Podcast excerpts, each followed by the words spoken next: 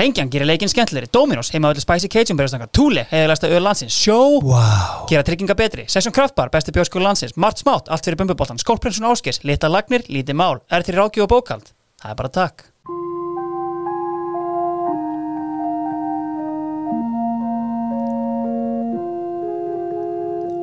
Svona var sumarið er fótbolta hlaðvarp sem kafar hún í hvert fótbolta sumar og fætur öðru, eitt í hverju þætti.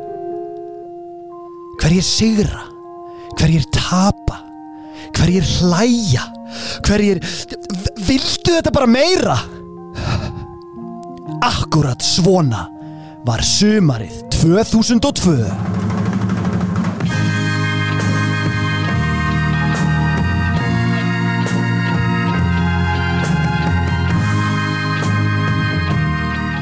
Það var akkurat svona, sumarið, er sumarið 2002. Já, er, er ekki þar? Við erum þar, Já, já. við erum þar. Ég held við varum að fara að tala um sumarið 2003. Eru, eru með það að preppa? Nei, nei, nei, en þú veist, ég var allt í einu bara í einhverju bulli hérna, sko. En þetta, wow, þýlitt brainfart. Herru, Eins allan gott ég saði þetta. Já, bara guðminn almáttur En hérna, þetta er allan að sumarið 2002 En það haldið áfram að hlusta ef að þið voruð að hérna, ef þið voruð að pæla í því. Sko, uh, það hefur þetta leiðrættingahotni sem við verðum að byrja á sem Já. fyrir í bóði Túle. Túle er sá elsti og virtasti og sá lang heiðarlegast á landinu.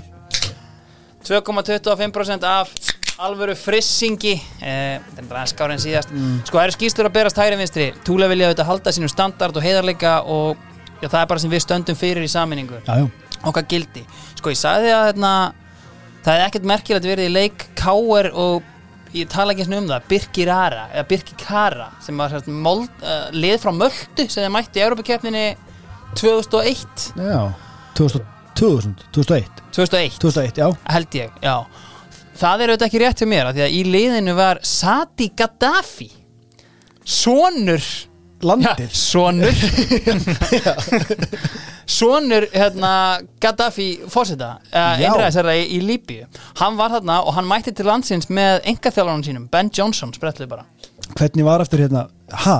já, Shit. Ég, ég sá bara hérna, frettina um þetta en síðan var ekkert follow up, það var ekkert talað við Ben Johnson þegar hann kom hérna eða Gaddafi sjálfan Mér rámar að hann hafi verið í einhverju liði hann keifti Peruzzi á sínum tíma. Já. Og veist, hann var með svona hérna, einhvern tíma hlustaði á einhverja mjög góða svona útvars úttekt á þessu sko, eða hvort ég las grein eða eitthvað, Björn Berg hefur örgulega hnóðað í einhvern pistilega þegar hérna að ég sko hérna hann var geðveikur Já, já. Gaddafi. Og hérna, Juniorin já, og hann sést að hérna, það var fyrirtæki sem sponsaði Juventus hérna í gamla daga. Mm. uh, hvað hétur þetta, Statoil. Nei, ekki Statoil, það er færisk veistlega einhver, það er hérna man ekki hvað fjandarn fyrirtæki heitir, voru framan á búningunum og það var eitthvað olíu fyrirtæki sem var bara í eigu og, og Gaddafi kefti bara, Bara bara Sati var bara, heyrðu, please eitthvað. Og síðan hérna síðan er alltaf þessi innilegi fótbolta áhugi og hann einhvern veginn treður sér bara inn í ítalska boltan og er í Peruzzi sko. Var þetta hérna Var ekki Keli í Dr. Fútból sem var eitthvað að ruggla þessu? Hvað held að Gaddafi var í land? Já, já sko, hvað held hann aftur að væri? Já, ég man það ekki nákvæmlega En Nei, jú, það var allan eitthvað á þessu tengt sko. Herru, Sjáta áttu Kela. já, sko, ég fekk hérna fyrirspurn varandi það Ég talaði um það, sko, að Imbus Kasko verndaði allt nema svona að það kemur eitthvað flóð eða eitthvað. Og, þú veist, það var bara Fekk auðvitað móla frá Hallgrími Dan Danielsinni, þjálfara KH Það er ekki bætt að tryggingafélagi að það kemur flóð En ég var að tala um eða bara svona flæðir inni Já, hjá já, þér já þú veist, ekki að tala um tsunami. Nei, einmitt, þannig að ég var að tala um að sjálfsögðu úr lögnum húsins uh, Kjartan Guðmundsson uh, sá mikli höfðingi uh, sendi mér hérna smá pillu á, á Twitternum sko, hún langaði bara að koma að í kjölfarið á umræðinu á KR99 og, og tattúinum á Eðistorgi Ok. Í einhverjum, bara hefst nú lesturinn í einhverjum að fyrir þáttum höfðu talað um vinstri bakverðin landslismannin Bjarna Óskar Þorsteinsson sem þú gískaður á að væri að austan, það er sérst ég og bættir við Cower Hates Youth. Þetta getur allt saman mjög vel staðist. Uh, Bjarni Þorsteins var einmitt einn af þeim sem fengu sér Cower eða Storki 99 en hann er alls ekki að austan, heldur uppbælinn í Cower eins og pappans Þorstein Kristjánsson heitinn sem leik með gullandaliði Cower á sjönda áratögnum og var alltaf kallaður Steini Klaki svona í framhjálpi þá fekk ég mér sjálfur KR flúr hann á eðistorginni í miðjum fögnuðinum á tattustofu sem gítarleikarinn í grílunum rak. Já. það var stanslaus ströymur af mísölvuðum vesturbæðingum inn til að það var stanslaus ströymur af mísölvuðum vesturbæðingum sem gengu inn til hann þetta kvöld og sá sem voru í stóli næsta eftir mér var maðurinn með potlagið Henry Birgir Gunnarsson. Já, ég bætti þetta potlaginn hann við en, Já, hérna, en já, alla hana. Herru, sko, eitt í þessu líka. Sturlaugur Haralds sendi mér líka. Sorry, bara rétt til að klára já, þetta. já, mér finnst gott að heyra uh, staðfestningu á því að þarna er einn af drengjónum sem átti pappa sem var í gullaldar ári Já. og hefur látið hann heyra það Já. ár Vá. eftir ár eftir ár þangið til hann loksis Ég fannst þetta einmitt geggjaða dítel því ég fekk þetta Sko, uh, Sturlaugur talaði við mig eftir að ég ringdi í hann og, og mm. hann býr í London og er á öðru tímabelti þannig að hann var svolítið þreyttur í að tala við hann og hann glemt að koma inn í sko þegar við vorum hérna að tala um þetta að eftir leikin helviti áhugavert. Og þá hérna þá kemur bara hlinu stef inn í klefan bara til hérna eftir úrslitaleikin eftir úrslutaleikin á móti IBF kemur hlinu stef fyrirlið IBF bara inn í klefan Herru, sælistrákar, innlega til hamingi með þetta. Við erum hérna með bóli Íslandsmeistarar 2001 sem við þurfum ekki að nota því með bara eiga þá. Ha, Já, bara eitthvað svona Coke sponsored bólir þá var hlinur sko einhver svona vörumerkastjóri eða eitthvað álíka hjá Já. Coke eða flutningsæðli eða eitthvað og það er látið gera þessa bóli og strákar því með bara eiga þetta. Bara verði ykkur aðeins og til hamingi markaðsmaður frá mér fingugóma reyndar en bara því líkur top man Já, þú veist bara, þú veist, heimaklætturinn. Algjörlega. Og heyrðu, uh, ég er ekki með meira. Fékkst þú eitthvað það? nei, ég bara var látin í friði. Já, þá hérna uh, höldum við bara áfram og sko tíðarandinn. Þetta er árið 2002 og ég er eiginlega svolítið með okkur hérna. Já gerðkvöldið ennþá að liða um líkamann. In my body. Ég sko hérna Ég var að viðkynna að árið 2002 var ég ekki að hlusta á þetta. En hérna að því að þetta er á þessu ári og þetta er bara geðveikt lag. Við kynnumst gullskussi það ekki bara þegar þið gefið síðan plötu 2008 eða eitthvað. Já. Fó- eða hvernig var það, eitthvað forever plataði sem við ætlum að koma síðar en þá, þá einhvern veginn fór maður að skoða eitthvað katalóg. Já, ég, ég, ég er náttúrulega er engin katalóg skoðari veist, þó ég sé aðlátt á tónlist þá náttúrulega gref ég aldrei svona djúft einhvern veginn sko. Nei, en þú- veist, þetta, þú veist, mikið núvitund í þeim tónlistasmæð 100% eins og fram hefur komið en þetta er allavega gegja lag. Sko, 2002, Smáralindin opnar það er risastórt. Það er nefnilega alveg gjössanlega hjút og ég einhvern veginn svona þú veist já, þú veist, hún opnaði, þú veist, það sem ég fannst svona mesta var, sko, hvað bíóið var miklu flottar heldur en kringlubíó. Já, og hérna, þú veist, þú varst með Playstation 12 hérna, þú veist, í hliði sem ég notaði aldrei en þar voru þarna, skilur ég man að ég fór á, sko, held að það hafi verið frumsýning á grínmyndinni Evil Woman. Já, með, uh, ekki sem er með Jason Biggs og hérna uh, hún heitir Amanda Peet og Bl- Blakkarinn held ég líka. Jó, Blakkarinn og með honum var hérna Steve Zahn, nei. Jú, Jú, er það jú, ekki? já. Allavega. Uh, Myndin sem slík var ekki droslega eftirminnileg en lasersjóið fyrir vá, myndina breytti eiginlega fyrir mér bara svona hvað það er að fara í bíó Ég fór einmitt með sko mömmu minn og pappa á Lord of the Rings og mamma mín hatar að fara í bíó en hún bara svona hatar kvikmyndir sem fjalla ekki um raunir einstæðar móður eða þá Mrs. Doubtfire Já. og við fórum hann á Lord of the Rings og, hún Og- er raunsæðismanneska Já, og sko, veist, þetta var einhvern veginn veist, hún hatar allt svona veist, Star Wars, Lord of the Rings hún bara, það er yfirleitt svona fimm mínútur búnar þegar það kemur þetta er bara vitleysa og það, sko, og þetta byrjaði með þess að fyrir mynd þarna þegar laser geislarnir voru bara bendi í augun bara, Já. Jóhann, hvað er þetta eiginlega? Það var svolítið stemmingin að það ég man mjög vel eftir einu. Mm, það var hérna eh, sko einhver svona e-mail grín. Ég menn, veist, í dag færi þetta alltaf á Facebook eða Twitter eða eitthvað. En það var svona mím eiginlega. Já, svona smáralinda grín. Já, og það var hérna man, þetta var tölvunars pappa með eitthvað Macintosh heima eða eitthvað. Og eitt var sko s- loftmynd af smáralind búið að reysa hann svona alveg við. Smáralindin tilbúin að taka neytendur í raskati og svo var eitthvað svona þetta var svona röð af eitthvað já. svona gríni, tippagríni og ég man þetta var svona það mikið svona ú, býtu, er þetta eitthvað risque fyrir hérna 12 ára gamlan dreng að skoða Það sem að mér fannst líka sko, veist, ég geti eiginlega ekki farið yfir þetta án þess að einhvern veginn hérna tala um HM 2002 já, sko, erum við ekki potið á því ári eða? Ég er búin að, ég, ég veit ekki hvað ég er fastur með 2003 í haustum allan sko, veist, það, veist, það sem að mér er mér minnistæðas er umræðan í aðdragandanum fyrir þetta að þetta er alltaf fyrsta heimsmeistaramóti sem er ekki sínt í opinni dagskrá. Já, þetta er alveg rétt. á sín, stöðu sport eða sín í rauninni tekur þetta yfir.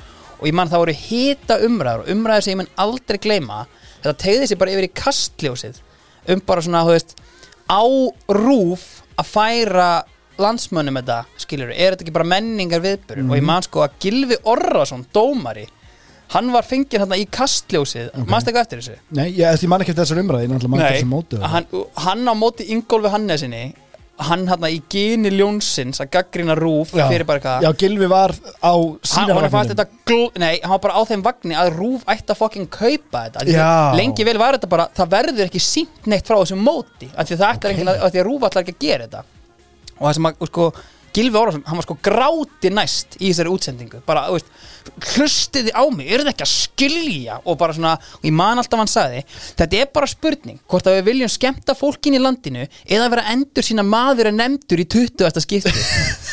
Og þetta var svona lína sem satt með mér. Ég hef alltaf notað þetta í kjölfæri svona á svona dagskrágerina á rúf bara byrja að allir ekki bara fara hérna í maður en nefndur svona, aftur, þetta var heldur gott. En sko móti sjálft er náttúrulega litast náttúrulega mikið að því að menn eru að vakna á modnana uh, Hálf sex leikur já, emitt uh, já, emitt hálf 6-6 og en svona í, í gróðum dráttum er þetta hundleiðilegt mót.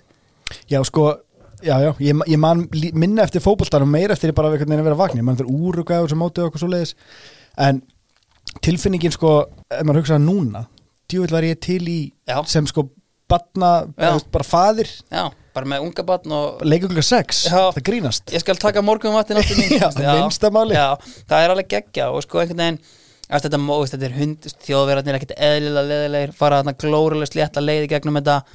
Það sem er náttúrulega skemmtilegast við þetta er sko dómara katastrófan að þú veist hérna herri jú við verðum að koma þessum unga og efnilega dómara frá Mongóli hann þarf verkefni það voru bara einhverji leikmenn að dæma þetta. Byron Moreno hérna, þú veist sem dæmdi hérna, sem dæmdi Ítalía Suðu Kóra Ah, býttu, nú er þetta alltaf reyðast upp fyrir mér. Þetta er farsinn. Eh, sko, þú veist, Ítalið er þetta með hundleðilegt lið. Hérna. Cesare Maldini er hérna að þjálfa held ég sko og glórulegst leðilegir og hérna, ég var alltaf svo mikill ég pældi svo ógeðslega mikið í statinu og þú veist, frá 98 þá tek ég ástfóstri við Christian Vieri. Já, og bara svona ég þráði ekkert meira en hann er því markakongur HM ok. Sem ég rétt missir af þess að 98 og er svona á þannig allt í lægi róli hérna 2002 sem detta náttúrulega úr leik hérna á móti Suðu Kóru, Totti fær hérna raukt spjald og eitthvað og hérna An Jung Hwan skora segumarkið og er síðan gerður brottarækur frá Sati Gaddafi og félögum í Peruzia en þá er einmitt þessi Byron Moreno hvort þetta er einmitt einhver söður Amerikum sem síðan var tekið með einhver 13 kíló af heroin í einhverju flugvél hérna, þetta er bara veist, algjör trúða samkoma. Já. sko, uh, Svo ætla brassanir geggjaðar hérna. Já, þú veist, RN3 og markið Ronaldinho. Fucking David Seaman Já, já. alveg agalegt. Herðu, sko, það sem ég með líka hérna sko, veist, svona íþróttir sem að maður svona fylgdist ekkert með en maður vissi alltaf hvað var að frétta. Já, íþórtablaðið já, og bara svona menn, þú veist, ég bara sá þennan mann. Þetta er Kristján Helgason, Íslandsmeistari í snók og, veist, og sérstaklega það, sko ég rak hérna augun í frétt, sko sem að kjúða snókerspilur hans Jóhannes B. Jóhannesson sem var hinn, gaurinn hérna með tussutrillin. Já, já, já. Honum var stólið úr bílnum hans á dögunum og er Jóhannes í miklum vandræðan vegna þess. Auk tilfinningalegs gildis kjúðans, þá tekur það Jóhannes marga mánuð að venjast nýjum kjúðan en hann er á leiðin á Európameistaramót. Jóhannes leggur ofur áherslu á að fá kjúðan aftur og ætlar ekki að gera þetta lauruglumáli í vonum að þjófurinn sjái, sér, sjái að sér og skili kjúðanum. Kjúðin er mjög sérstakur og þekkist strax og nýtist engum nema Jóhannesi sjálfum. Hvað En hann hefur unnið með honum tvo Európa-mestaratitla, fjóra Norrlandamestaratitla og sex sæll. Íslandsmestaratitla Ok, og svo er þetta gefin upp gemsin, gemsin hjá hann hérna eitthvað Marga vera bara í keiluhöllinni veist, bara, Jóhannes, kjöði, er þetta kjöði þinn? hvað meinar um marga mánuði að venjast nýjum kjúða? besta, veist, ég las þetta og ég bara svona It's a game of inches. Já, nákvæmlega. Er hann bara, þú veist, þetta er potið Það hefur náttúrulega séð svona í svona sportum eitthvað, bara eins og maður er í bortennis í vinnunni.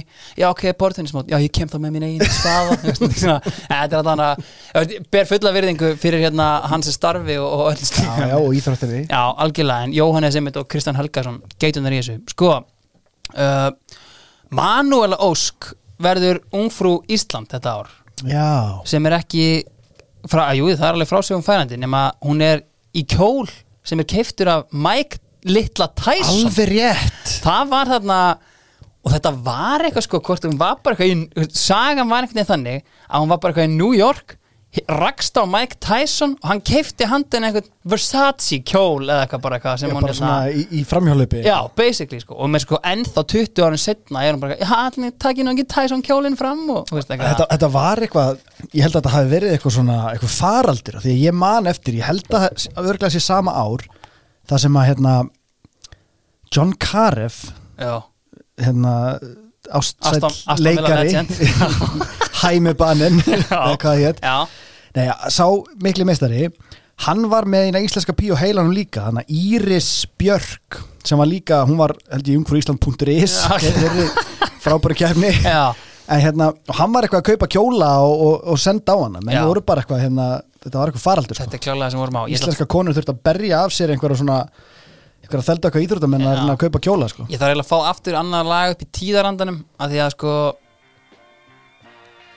Þetta hafði djúbstæðs Já. bóð líka á mig sko, og ég var mikill kvarasi maður og hérna þú veist, einhvern veginn sama og ég er búin að tala um með þarna, Svölu Björgvins og þú veist svona myndbönd, Já. myndbandi við þetta var sem bara er, já, er, þeir eru að meika Já, það sko. þetta Það var- alvöru production hérna sko Já, og ég meina þessi lög mm á þessari plötu, þetta var náttúrulega smá samansapna af einhverjum plötu sem höfðu gefið út Stikkum upp að þið komið út áður ef ég mann rétt sko Já, og þetta var svona hérna ein, einhvað samkrull en Samanber, veist, myndbandi við stikkum upp Fucking veistla ég held að vera að tala um það. Ég var að tala um Mr. Jinx. Já, já, já, alveg rétt, það sem hann að hlaupa á Alveg rétt. Day hérna Já, Sorry, já, ég er röglega saman. Já, Nei, en, en þessi lög er öll svo það er svo mikið gæði í svo mörgum lögum þetta er bara svona sampplata af gamla skólanum. Að þeir eru búin að vera sapni í það svo lengi Já. og þeir áttu svo mikið erindi. Mhm.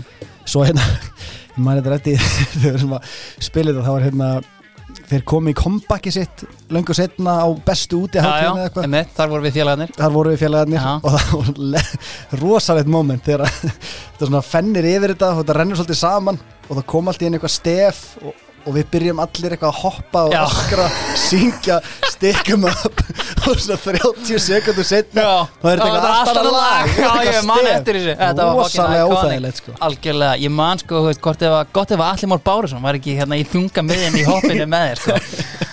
Herru, það sem að ég vil líka ræða hérna eru sko, veist, þarna eru farsímarnir orðnir sitt dæmi. Já. þú veist, þeir eru náttúrulega lungu komnir en þú veist, þarna komið með þarna hvað, 55 10 eða Hvað var, þarna, hver, hver var þinn fyrsti? 33 30 pappi fór, ég baði hann um 33 10 Það er Indestructible grái. Já, en þú veist, það, ég baði hann 33 10 Já, Joe, þú var aðeins það besta, þú var Já. 33 30 One Up. Eini munurinn þar var líka hérna einhver svona einhver svona þú veist með þetta Snake Snake 2 Já, þarna, veist, væri í gegnum veggina. En þarna varstu komið með þess að sko dyrlili, og þannig að þú veist Pinball. pinball, já, það var pinball í honum líka. Ég held í alvörinni að það hafi verið eini munurinn á 3310 og 3330 sem að kaupi fóreldra væntalega aðeins meiri frið Al, þannig að- algjörlega sko, en það sem að, mér fannst svona skemmtilegast að rifja upp er að hérna er til dæmis auglýsing í fókus hjá mínum mönnum, Gunnar Smára og félögum.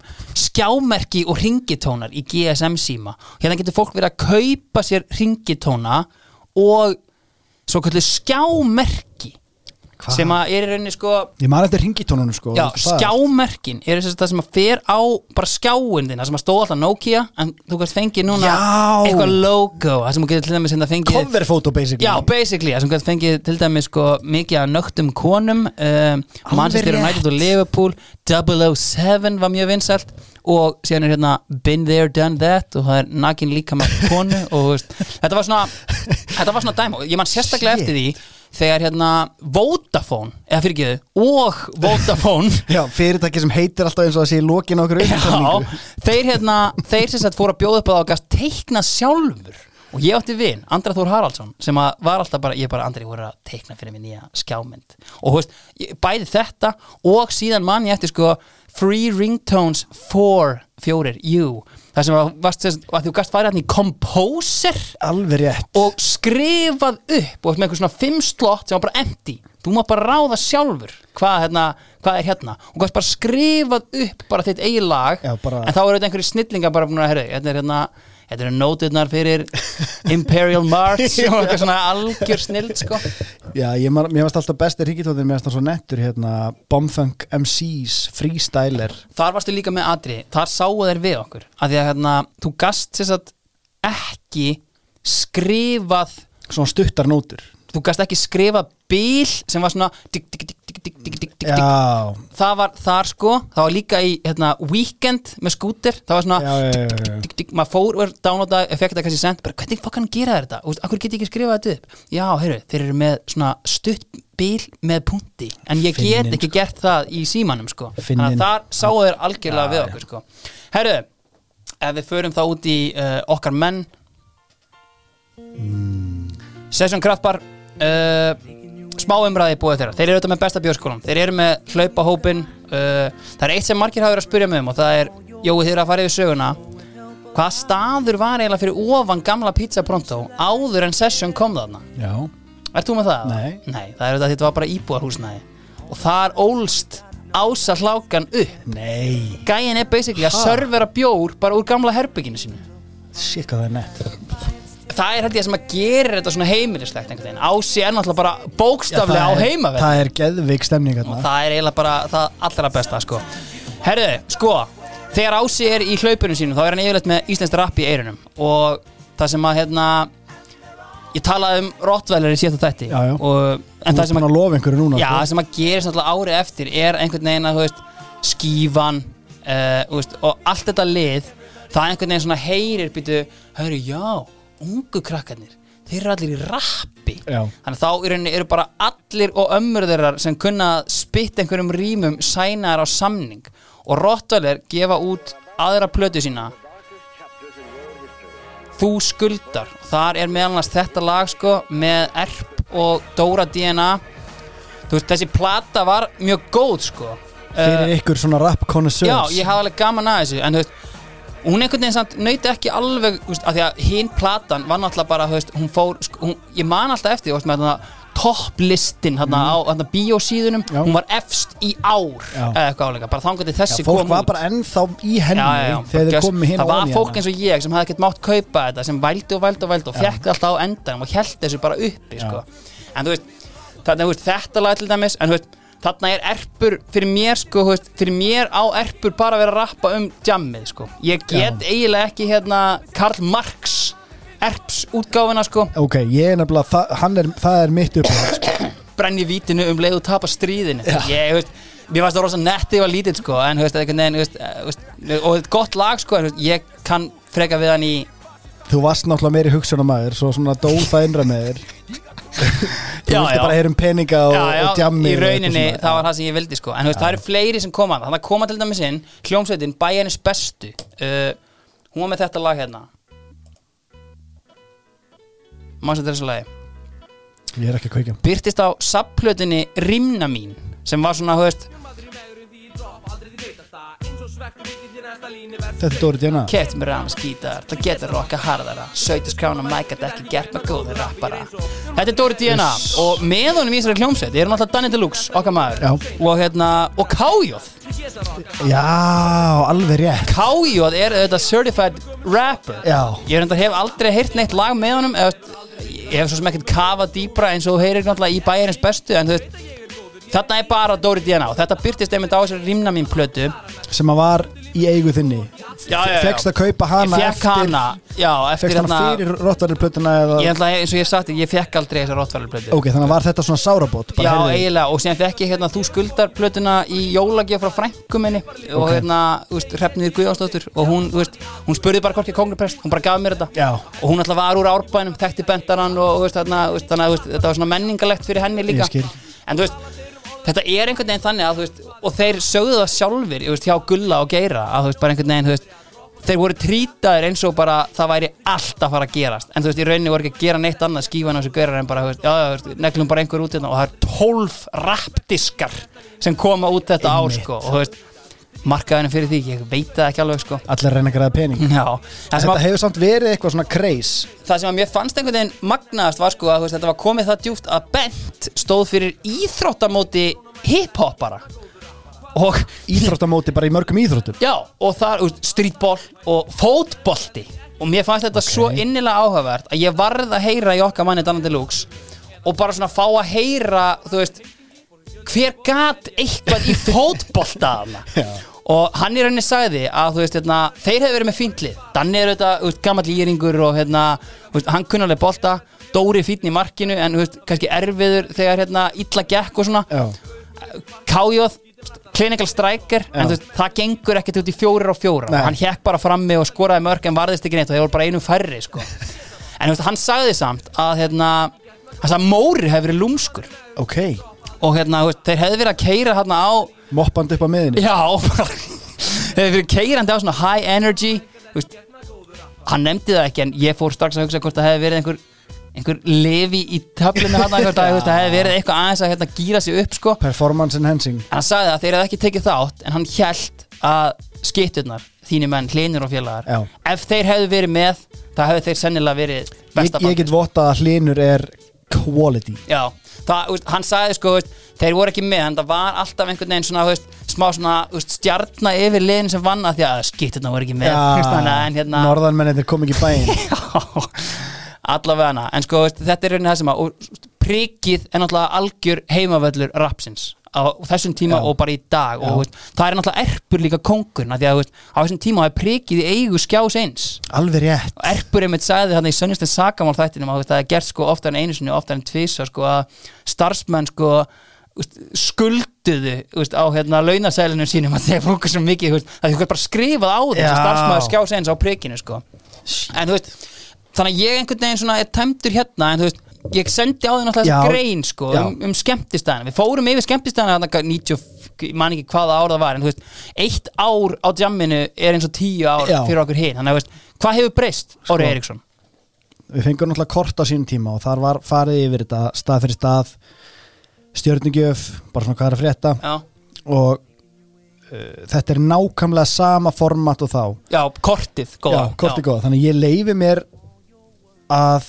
segja og sláði föstu að það sé sami aðili sem gerir þetta. Sem gerir þetta. Bara, veist, þetta er svona svipa og þegar hérna En hann, en hann hefur kannski tekið hinn pólinn ólíkt Óskar Ófegi þegar hann að þetta er ekki endurtekning frá haustmótinu. Hann hefur bara haldið, það er allir búin að gleyma þessi kem með þetta aftur. Ég, ég held það, það sem ég merki aðalega úr þessu er að þannig er aðili Mhm. sem er búin að þroskast um tíu ár milli, Ok, milli greina eða milli svona yfirferða. Mhm, þannig að bæði er smekkurinn breyttur já, en líka bara svona kannski þarfir og svona hérna og svona hvað hva, hva gerist? Þannig að er, maður svona tekur fyrirvaran á, það er sá fyrirvari á því að, að þetta er ekki bara bærin sem er að breytast menningin og maðurinn sem er að skrifa þetta eða manneskjan er, Ok, að, er að breytast. já, uh, þegar við fórum yfir þetta senast þá var ég náttúrulega með Astro á heilanum. Já, já, Súlan. Súlan góða og, og svona til þess að hérna, taka smá upprifun fyrir hlustendur þá Mm. Var þetta svo leiðis að ég bara, það var dölúð yfir þessum stað fyrir mér, ég vissi ekkert hvað það var en þetta var svona ákveðin skíaborg og mér fannst þetta að vera svona, ég sátt í hillingum sem eitthvað svona eitthvað stað sem var bara eitthvað paradís. Já, og fólk einhvern veginn vildi ekki tala um sko. Já, og það er algjörlega búið að fletta þeirri hulu af og þetta Já. var, þú veist, fótboltabar hérna og svo var þetta já Eðilaði staðin Siggi sko. Bjarna, já, einmitt. Hérna er hann sko greinilega ennþá bara lýsingin á honum, hann fær tvær stjörnur. Þetta er gefið þetta er fimm stjörnur max. Tvær stjörnur, Astro er í einhverju lægð þessa dagana, þráttur í tilurinu til þess að rífa staðin upp, mm. fastakunahópurinn hefur bara fleiri stöðum að velja en áður og það er ástæðan bla bla bla, þetta Ok. er bara vel Já, og þreyttir handbóltamenn, þetta er bara ekkit varðið hann, þannig að ég vildi bara svona hérna Já, þannig að við, við svona getum svolítið afgreitt hann hér með bara sem svona, mm þurfum ekki að tala um hann aftur. Já, Þannig er hins vegar komni staðir sem að eru kannski aðeins nær okkur og við erum farin að kannast við. Ok. Uh, Kaffi Amstedam er ennþá þarna. Já, já. Þú manst að hann var alveg frekar heitur svona meða við. Já, já, já, það kom mér á óvart hversu góða umsökun hann Já. fekk svona meða við. Nú fær hann ekki eina stjörnu, hann fær null Hann fær 0 Hann fær null, það er ekki margir sem fá null Nei, það er svona sama stjarnan og ég hefði gefið honum ef ég hefði verið að reyta þetta 2011 Já. kannski Já, En það er einn munur þarna og frá því við, við vorum að það Það, er- það er rukkað inn Það er rukkað inn, já og það er bara umsögnin, flesti geta verið sammálum að það sé fáránlegt að það sé rukkað inn á annan stað hann þyrti, hann þyrti ekki að vera verri en hver annar en maður geti kíkt inn á gödunni en það kíkir bara engin heilvita maður þarna inn eða þarf að borga það er greinlega þetta sem er að stöða hann mest sko. Já, já En eru margir staðir að rukka inn? Þú veist, sérðu það? Nei, Já sko það er sko, þeir, þeir eru flokkaðir það er smá textu um þá, Já. stjörnugjöf og svo er spurt, kostar inn já eða nei, Já. það er svona að mér sýnist engin nefn að þetta marka inn Jú, stripst þetta er ótrúlegt. Hérna, Skuggabærin er horfin Ok, já. Það er bara hérna, hérna bara á borginni bara gamla góða hótel borg, heyri sögum til bla, þetta er eitthvað svona heitir á borginni. Ok, en ég sé hvergi hérna Skuggabærin og Mhm. það er hérna náttúrulega frekar stórt. Ég, það er náttúrulega lítur bara að vera í kjölfærið á rýðingunni veist, ri- menn hafa bara fengið nóg um Já, við höfum séð nóg. En það var einn annað sem að heitir Næstibar já, já, já. Það var nefnilega einn af mínum uppáhalds back in the days af því að það var engin tónlist og þú gast að koma inn og gast bara setja í róleitunum. Heldur stundum þurfti maður það bara. Og hann er strax byrjar á því þarna 2002 já. þannig að hann fær þrjá stjörnur og hann sem er, það sem, hangið í að, þessu. það sem að íslenski barinn er í dag. Er íslenski barinn ennþá til eða? Þú veist, ég- Ég hef ekki hugmyndu það. maður er náttúrulega skammalega hérna, lítið inn í þessu sko. En all, þetta er þar sko Þetta var geð, hann var meira sem mér minnir sko Hann hafi verið ennþá stærri en íslenski barinn var einhvern veginn. Já. En að geggjaðu staður, já, einmitt. En sko það sem er, það sem er hérna, komið sér inn þarna Torvaldsen Já, hann er strax þarna farin að, farin að gera á inn á hérna, stílun á eldraliði já, og ástæðan fyrir því ég sagði áðan að það að að búin að eldast og þroskast að Torvaldsen fær fjóra stjörn já, ó, já. Og, og er svona útrúlega jákvæði garð þess að, Já. hérna, að þetta er stílun á eldraliði þannig að það er svona pínu opinberandi. Já. en svo er NASA mætt og, og, hérna, og fleiri góðu stæðir það er ennþá smá strípibúlu stemning hérna í Óðal. Og mikið, það er vel talað um Óðal sko. Alltaf skarað fram úr í hópi nektastæða eitthvað, ég veit ekki alveg hvaða kriterið er. Já, því líka standard sem þeir eru að setja. Já, og ein, ein hérna lína sem er svolítið opinberandi Óðal hefur alltaf skarað fram úr uh, í klassa meðal nættastæðana það stendur enn þó ekki megi lengur teima stúlkurnar afsýðis fyrir greiðslu. Já, já, nei, nei, það er náttúrulega veist, Það stendur bara ennþá. Já, þetta er hérna opinberandi en bara svona að lokum það er hérna, maður sjá. Staður sem að ég er ánaður að fái, hérna, fái smá svona sínin í hana því Já. að hann hefur alltaf verið svona á ratarnum mínum í þessu við hefum ekki talað um hann. Nei, en það er glömbar já, já, uh, hann sko fær tvær stjörnur og fær plús fyrir afgjörslutíman en næri liggur og opið sér allan sólarhingin Já, já. þarna er heldur ekkert verið að fela markkópin uh, þetta er fyrir íþróttarnakka sem hlusta á FM tónlist og telja það mikilvægt að keirum á flottum bílum þetta Og- er bara spot on. Spot on, en sko það, ástæðan fyrir að ég er ánægð með þetta er að ég man svo vel eftir opnu í einhverju íþróttablaði eða hvort það var sportlíf eða eitthvað, það sem að Gulli Gull er komin með helstrýpað hár og hann var, hefur alltaf verið hérna, allt öðru í svo litin heldur en svona árstíðin gefur leiði fyrir einmitt. og hann var alveg hel, hel tjokkoðar á því að kynna ykkur að pítsu að matseli eða eitthvað álíka og Mm. var svona kongurinn og glömbar en var samt komin á snúruna eitthvað neginn og Já, það var já. eitthvað svona þannig stemning Ég skil, já þannig að þetta svolítið svona staðfestir þá ímynd skilur þannig Já. að það er gaman að fá, fá það staðfestningu Já, ég mani með eftir, því, sko, ég fór einhvern tímann að ég fór mikið á glumbar, sko, veist, á bæði, bæði í hérna, veist, um helgar og að horfa á, mistradeildina og eitthvað. Já, Einhvern tímann fór ég að það með félaga mínum og við sátum hún bara og keftum okkur ekki neitt, við vorum bara að horfa veist, og hérna, og vertin kom ekki sáttur í hálfleik, bara, maður bjóði ykkur eitthvað? Nei, þeir eru bara fínir sko og algjörlega bara hraunaði yfir okkur bara veist, Já, já. þetta kostar þetta, þetta kostar þetta þú veist, þið eru ekki bara að ganga hérna inn ger ekki neitt þú veist, hérna reiknum við kannski með menn fái sér máltíð, fái sér eitt, tvo kalda, horfa á leikinn og fari svo heim þið eruð ekki að gera það veist, þetta var sem ég fyndi bara eitt, Þetta er tvo ekki kalda félagsheimili. Eitt- já, basically, þú veist, eitt, tvo kalda við vorum sko, átján örglað sko, en þetta var hérna þetta er mín sterkasta minning á klumpar sko. Já, þetta var svona íþróttabari í okkar tíð já, allavega ertu með eitthvað meira? Sko Þetta var svo sem ágætið séuferð En já, ég er hérna Sko Ég er svona Ég finn bara hvað ég verð gýraður Þessi árin að Því að þarna er sko tónlistin og ég minna eins og þetta tala um þess að GSM sím og allt þetta, þarna er ég að koma svo sterkur inn. Já, og ég þarf einhvern veginn svolítið að vera á bremsunni svo við endum ekki með einhvern sko þú fílalagsþátt eða þú fókusin þarf að vera svolítið réttur. Já, já, en ég get samt ekki ekki talað um sumt sem við erum að gera hérna. Og þú veist, við erum Ok. að tala um þetta er ár án Eurovision. Þannig ég Ok. ætla bara svona aðeins að fá að hérna, fá smá útrás. Já þetta, við erum ekki í Eurovision. Já, allan, já Nei, við annars- já, Já, við erum bara eins og relegated valur fjallu við. Eftirminnilega. En sko það sem að mér finnst markvært þarna þú tala mikið um þetta rap. Já 12 Eh, plötur. já, ég var ekki eins djúpur á svo þú ég minna þetta rimna mín, einhver rap svona, ég var meira í einhverju Linkin Park stöffi og það var svona hérna, ég var svona rockmeini til Nei, ég meina, ég átti plötuna Góða ferð með Bent og Sjöberg. Já, ég veist, það, það er hérna þú ert mjög djúp. Já, en það sem að mér fannst svolítið svona áhugavert bæði að því ég man eftir þessu þá en svona þegar ég horfa á þetta núna mm.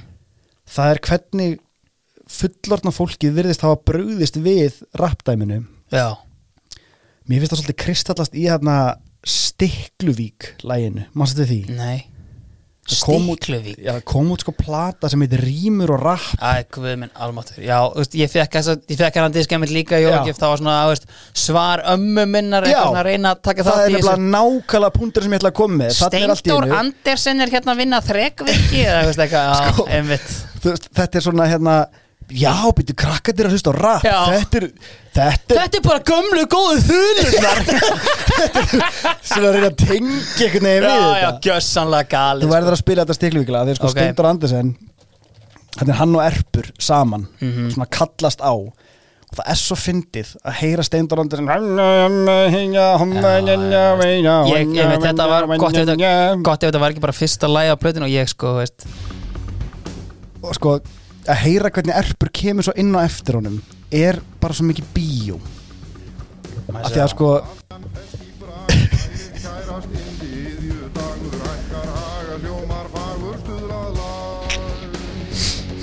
ég bara heyra þegar hann, þegar hann kemur inn á frussinu sko. Og mér finnst þetta bara nett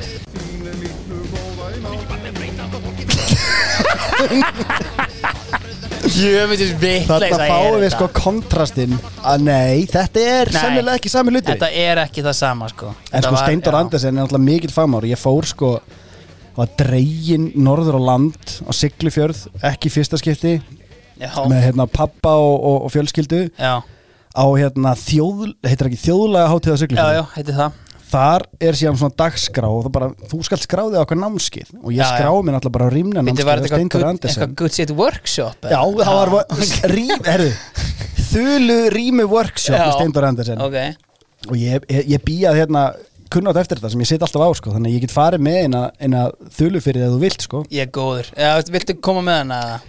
svo sem ekki frekar, við, getum, hérna, við getum haft þetta í extended Já, já, já, algjörlega. En hérna, já, en mér finnst þetta gott. Svo er sko annar rapplaga því að mér lá bara svona klára það kannski Já, sem að ég fæ reglulega á heilan og það er frá þessu ári og það svona kemur upp aftur og aftur og það er eiginlega sko ég veit ekki hvort þetta er briljans það sem að það er verið að embracea því að gamla fólki er eitthvað svona að reyna að tengja. Ok en það er þegar Cesar A fær dittu með sér. Æ, gerðu það sjálfur gerði það sjálfur. Sem var náttúrulega að rúllaði vel á Pop TV sko. Já, já, algjörlega. En sko Dittu er því miður og ég, ég ber að einhverju leiti virðingu fyrir þessari mannesku og, og hennar verkum og allt það. En einhvern veginn er hún tilgerðarlegasta manneskja sem ég veit um svo tilgerðarleg að ég hef oftar en einu sinni lendi því í hérna í jarðaför þegar sem hún er að syngja Já. að ég fæ svona óstjórnlegt hláturskast á versta mögulega tíma og því ég veit að mamma mín deilir þessari skoðan mín á dittu Já. og við lendið því að vera í jarðaför og vera bara, þetta er, þetta er bara nákomin ættingi Já. þetta er bara sorglegt moment en svo byrja dittu með eitthvað tilgerðarlega aríu og við náum einhverjum aukkontakt og bara það er, það er ekki sjens að halda andlitið sko. það er ótrúlega óþægilegt má ég heyra í Cesara á dittu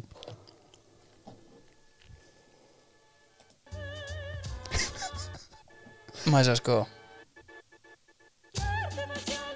Já, veist þetta. Þú færi þetta á heilan sko. Já, veist Þetta er lag sem hefur klálega fyllt mér Svona, þú veist, alltaf, þú veist, eitthvað, þú veist. Textin, taktu, tónlist dönu, hvað hann segir sko. Já, þú veist, þetta er hérna Já, og Cesar A, eins og ég skil þetta er guðföðurinn. Já, já, hann er það sko.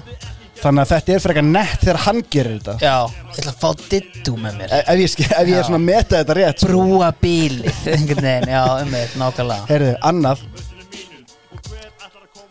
Hann hérna okkar maður, Já, Páll Rósinkrans já, frelsaður krossfestu dáin og grafin já, já. Steig niður til heljar, reis á þriðu degi eftir öfru döðum, Já, já, hann sko, við höfum ekki talað um hann neitt frá því að við svona greindum hann sem eitt best hefnaða Rýbrand Rýbrand sögunar sögunar. Já, hann er náttúrulega bara búin að vera að selja sko, hann á eina söluðustu plötu ársins held ég þrjú ári röðið eitthvað líka. Þú veist, bara eitthvað svona ridiculous og hann er að vinna bara með það taka bara eitthvað þekta slagara frá Já. einhverjum erlendum aðilum og negla þá. Já, bara tíu stykki á plötu tíu seldir, takk, næsta. Þú veist, gæin er geggjaður Já, Svo með eitthvað lag í huga hérna með þetta? Nei, og svo kemur hann hann 2002 Já, Jet Black Joe ákveða að koma aftur á Eldborg 2001 já. og Sætla minninga, Sælla djöfull minningar. hefur Páll Rósinkar skriðið aftur í skilinu eftir það maður. Nei, að því að hann bara eitthvað, djúðlar þetta gaman strókar Nú, bara að ok. henda? Þannig að þeir sapna bara í og henda út sapplötu þarna 2002, bara svona hérna best of og með tvö nýlög, þar á meðal vel frelsaður gýr í Won't Go Back sem er bara sennilega eitt af þeirra svona ástsælustu og ég áttaði mikið á því að það hefði komið svona setna en það meikar sens að því að þú veist því lík skilabóð Won't Go Já. Back skilur þú veist, hann er búinn að fara á Eldborg Já. sjá Hann sá smjörsýruna. Þetta er já. það sem ég skildi eftir mig ég ætla ekki aftur Þetta er gott lag, Geðveikt Ég- sko. sko en annað það er eins og með minni að þetta lag hafi verið síðan í auglýsingu bara núna nýlega ykkur postauglýsingu Sko, í alvörinni Ég er ekki greinast, ég held að þetta hafi verið í sjó Vá auglýsingu Ég held að þetta hafi verið það sko, þú veist, viðlæðið sko Já, þetta, þetta er alltaf mjög Þetta er auglýsingalag svona mikið, þú veist Er þetta ekki einhver auglýsingar sem eru að labba þarna við hliðina á hústýragarðinu með eitthvað svo leiðis? Þetta, þetta er klárlega auglýsingalag sko. Já, já, já. Það er bara 100% sko. það, Þetta var í einhverju svona veist, mjög stóru fyrirtæki Já, auglýsing ég, ég minni það, Let's það start it. Þessi, þessi kapli, Þetta er svo, þetta var veist, þetta er svo frelsað. Já, já, ekkert eðlilega. En það allavega hérna kveikti smá peru hjá mér. Mm Auglýsingalag, ég er auglýsingasjúkur. Já, uh, Mér langar að henda á því bara svona löfléttu kvissi ok. Og þetta tengist inn í þetta ár. Þannig bara hljómsveit hérna uh, sem heitir Ske Já, sem gefur út plötu þetta ár. Guðmund Steingrimsson já, og félagar. Um, getur að plugga eitthvað þannig að ég sé að stjórn tónlistinni Já, bara í símanum. Já, Ok, byrju. Ok, connecta þarna. Að sjá, svona? Ok, um, nei, jú, svona. Ok, ok, t- svona er, svona er quizið mjög einfalt. Ég ætla að spila fyrir þið þrjú lög. Já, tvö þeirra eru með þessu Ske en annað er bara svona því að legendary. Ok. Þú átt í rauninni, þetta er að sömu plötunni það gef- gefið út plötunum 2002 Já, smá backstory, sker, eitthvað svona hljómsveit sem er búin að vera hérna, svolítið að garfa í leikústónlist og eitthvað svona dóti, Já, já. ákveð eitthvað neginn að sapna öllu sem þeir hafa gert og henda bara í plötu mjög, tvö mjög góð lög á þessar plötu sem ég veist og þau voru bæði í auðlýsingu og þú þekkir þau bæði. Mhm. Ok. og þú átt bara að segja mér hvað hefur fyr- auðlýsa? fyrirtækið, já, Ok, ok, byrjum hér.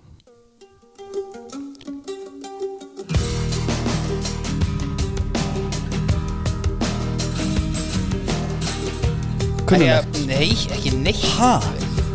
Ok, ég er náttúrulega hlustaði svolítið á þetta á sínum tíma. Já, Þannig að ég er kannski að, hérna, ég er kannski að ofspila höndunum mína. ég veit ekkert Nei, Ég hef nei, ok. aldrei hægt þetta lag. Ok, ok, ok, það er djúft að þessu. Ég er ánægður að ég byrja allavega á þessu. Já, ok. Hvað er verið er- að auðlýsa? Sko, mér langar að segja flugleiðir En ég held að þetta gæti verið flugfélag Íslands Já, veist, Saman fyrirtæki. Algjörlega, næsta spurning takk. Ok, Ok, þú, ég ætla að vona á sért með þetta Því Já. annars eru mjög hratt að fara í mjög súra stemningu. Djúvel, ég held ég var að gera svo góð litið eh?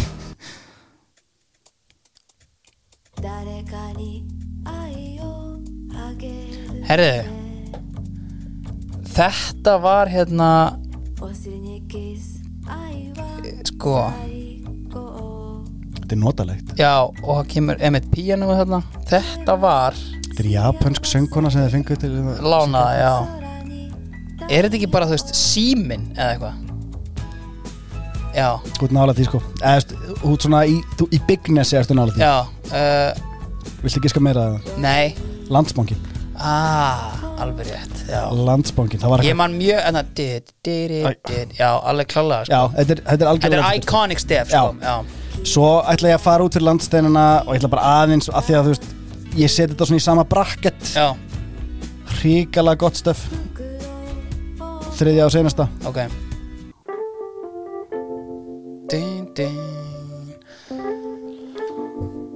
Djöld man maður ekki neitt.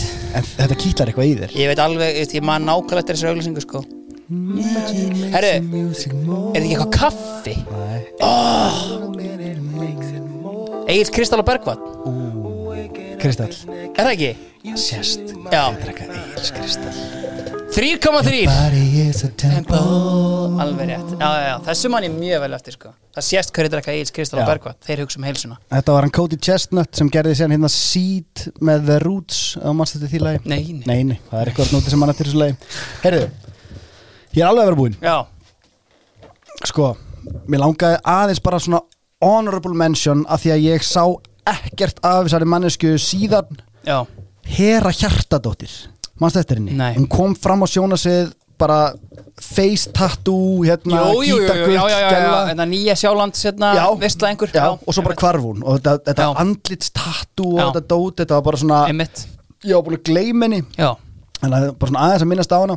En svo er Já. náttúrulega, þú veist, ég held hérna var ekki senast að þetta sem ég held því líka lofræðu um þessar sveitabara hljómsveitir sem að hérna eru svona svolítið að catch their stride, þú veist, það er algjörlega að fara á fullt mhm. Þá hérna langar mig að minnast á að þetta er árið það sem að koma út svona það sem að ég kalla þess að tvo máttarstólpa í þessari tilteknu tónlistar svona stefnu, það eru svona tvö lög sem eru svolítil anthems af því að það er aðeins meiri músik heldur en við erum vön. Ok, þetta eru lögin uh, allt sem ég sé með Írafár ok.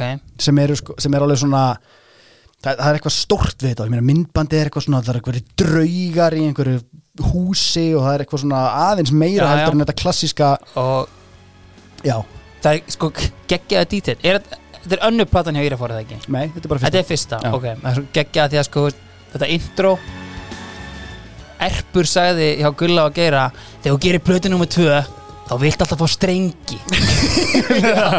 Já, en sko, faktist eru Írafór búin að vera að gefa út lög. Já. Veist, það eru eitthvað 5-6 lög af þessari plötu komin út áður og þetta Já. er bara eitthvað svona hit.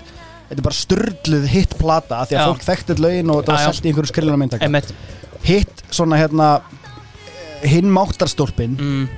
er dag sem dimma nátt með hérna Jónsi í svörtum hönskum. A- aðeins meiri músík og skemmtilegur dítill við þetta lagnefla sem ég vissi ekki. Strengir hér, já. Þetta er hefla, við erum að fá strengina inn í sveitaböll og bara dæmi Já. sko, sem að er þetta Er svolítið ekki líka nýtt, bara sko. verið einhvern veginn að tóna niður grettuna? Það, það, já, það er enda frábær punktur. Já, að því sko, veist, það er, veist, hún er ennþá í algleimingi Ég, veist, ég gleymd að koma inn á, veist, en það var grein í sko, morgunblaðinu um sko hversu hendu tjöld væri til að stunda kynlíf. Veist, Við erum þar ennþá Já, já. bara, veist, eitthvað ritrind grein bara í mokkanum um það. Já, og En svo þú er svona ennþá gæjar að hoppa á grettu vagnin sem hafa ekki þórað skilur eru að koma allt og seinir í grettu Já, partíð þannig að ég held að Jónsi fær þetta inn strengina tónum okkur aðeins niður. Og sko, dítillin þessi. Þetta meikar svo mikið sens þegar ég heyri þetta. Mm. Jónsi er mikill textasmiður á þessari plötu og svona. Lore Alvangir og Kissuberinn Já. Stinn og ég veit ekki hvað og hvað hann á ekki einu texta. Þeir fara í smiðju annars poppara úr annari hljómsveit sem semur hennar texta. Hver er, hver á auðvitað þennan texta? Ég myndi auðvitað gisk dag sem dimma nátt þú veist, þetta er ferskeitlu Stefán Hilmarsson. Að sjálfsögðu. Og hann á bara hennar texta. Já, og það er bara, þú veist, það, þegar þú heyrir þetta það er bara svona, Já, já, ah, takk. Ég, að ég finna þurfti að heyra ströymana Já, þetta er alveg Þetta er Þetta var sálar smellur sko ég sé bara eins og þegar ég læriði bara hérna í gamla dag sko, veist, regluna um stuðla og höfustafi ég horfi bara hérna á textan dag sem dimma nátt sko, veist, þetta kemur með null á Það er um þetta Herru, getum við koma okkur hingað það? Já. Sko, fótboltinn. Uh, Ef við förum bara aðeins í prísísonið uh, Ég myndi segja að stærstu pælingarnar á prísísonið voru Hvað gera káringar David Vinny Það var ekki áhugi á að halda Nei. í samstarfi gangandi Þeir rétt sluppu við fall Þeir bara björguðu sér í lokaleik í Grindavík og þú veist einhverjir talum erfiða dómgæstu þar og hana David Vinny var þannig aldrei að fara að vera áfram Kæmur satt ekki óvart þegar þeim hefur spáð fyrsta sæti Herru, skoðum það aðeins Já. að því að hérna, við liðinu tekur Club Legend Willum Þór Þórsson Club Legend hann er káeringur sko. Er það? Já, hann er káeringur í var með hann hann hérna- spilaði með káer og hérna Já, bet ég hef með eitthvað breyðablík eitthvað en, en bara krægin skiluru og, og strákanir hans. Já, en veist, hann er grænu.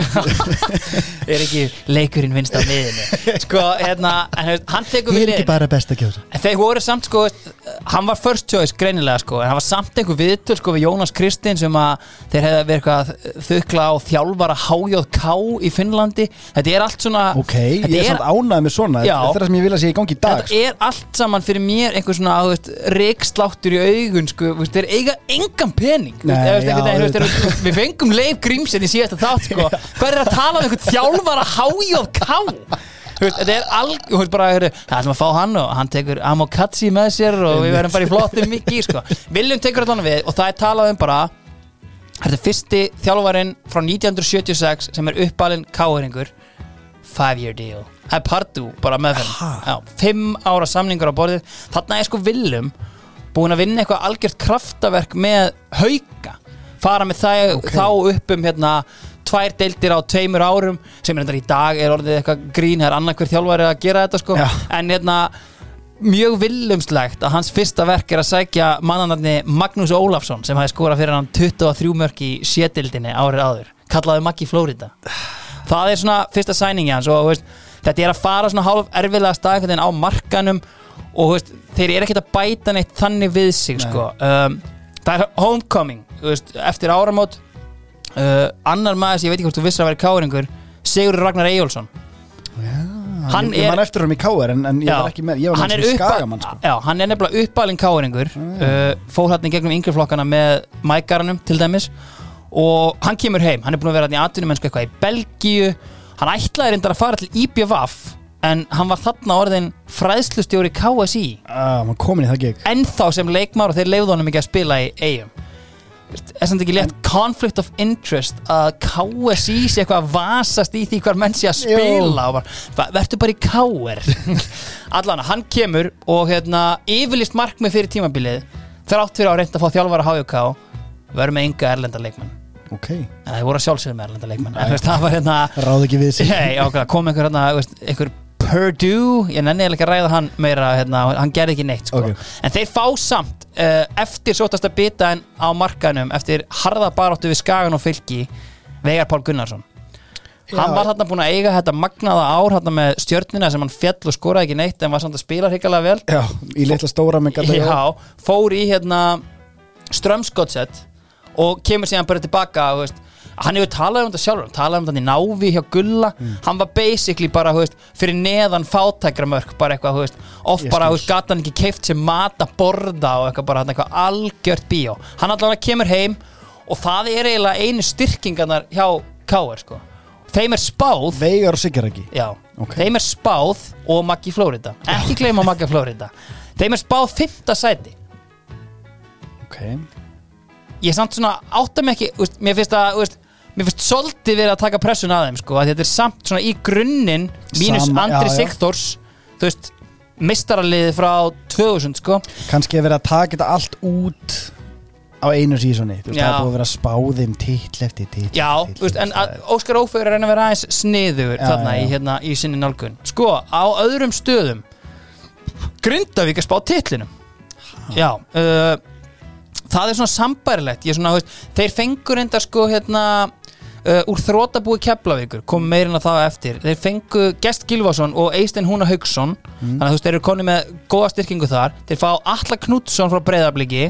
Þeir eru að reyna að fá sko Eyjólf Sverrisson af því að Bjarni Jó tekur við liðinu. Ah, Bjarni Jó, hérna Bara það sæning það er reynin held ég að sem menn er að horfa Já. í. Þú veist, einhvern veginn svona þú veist, og það er mikill hugur í grindag ég meina við heyrðum í leifi gríms í síðasta þætti. Káir var ekki að bjóða bestu lein það var kannski eins og grindaðik og eitthvað. Grindaðik á nóg af seðlum. Já. vandamáli var, það bankaði upp á helstu óvinnur knastmyndarhefingarnar skatturinn. Ah, Bjarni saði við mig sko hérna, í draumaleginu að bara það voru gríðarlega stórhuga, ætla að gera fullt af hlutum en bara skatturinn fór að vasast í þessu öllu og þá gáttu þeir ekki keppnina leikmenn eins kannski hérna sérstakt og, og það kann að vera þeim er að spá titlinum hann sko En var þeim, þeir voru svona ofmetnir í spánni árið áður þeim var spá ekki? öðru sætinu árið áður á eftir K.R. sko Já. og enduðu í, úst, ég maður ekki úst, fjóruða eða fymta eða hvað, hvort þið fóru í. Európu allan að, núna eiga er allan að gera alvöru surge á að hérna, verða Íslandsmeistarar Íslandsmeistarinu frá árinu áður Skaganum er spáð öðru sæti og Óli Þórðar er bara virkilega ósáttur með það. Veist, þarna eru þeir sko veist, Í hvora áttina?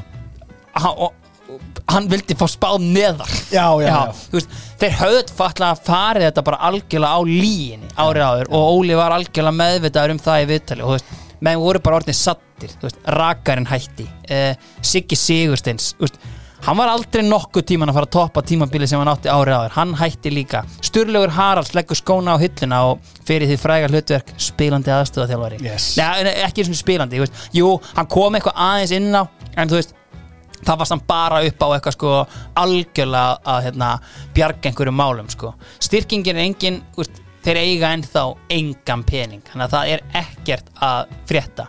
Liðið sem hefði náttúrulega verið í úrslitaleiknum við á árinu áður, IBVF þeir heldu Njalla að sjálfsögðu sem þjálfara, hann var búinn að gera kraftaverk hérna. Og enn eitt árið veltu við vöngum yfir því hvort að Kleinur Stefánsson muni hætta eða ekki. Já. hann er auðvitað búinn að vera spilandi aðstæðaþjálfari og hann ákveði bara þetta er komið gott, Ok. Leggjum skóna á hilluna uh, bara takk fyrir þitt framlag.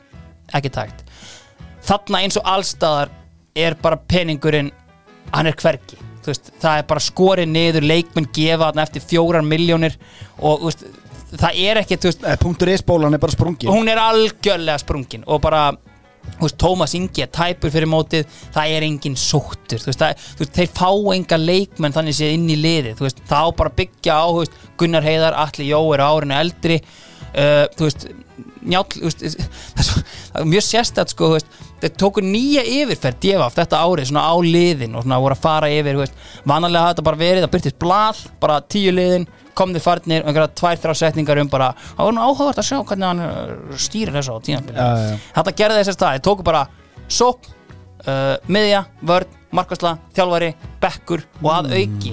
Og voru með kostir og gallar í öllu þessu, bara ok. Kosturinn hjá IBVF þjálfarunum var að Njál gerði frábæra hluti með liði IBVF í fyrra bla bla bla, eitthvað. Gallar, Njál hefur ekki unni nokkuð skapaðan hlut á ferðinu Vá.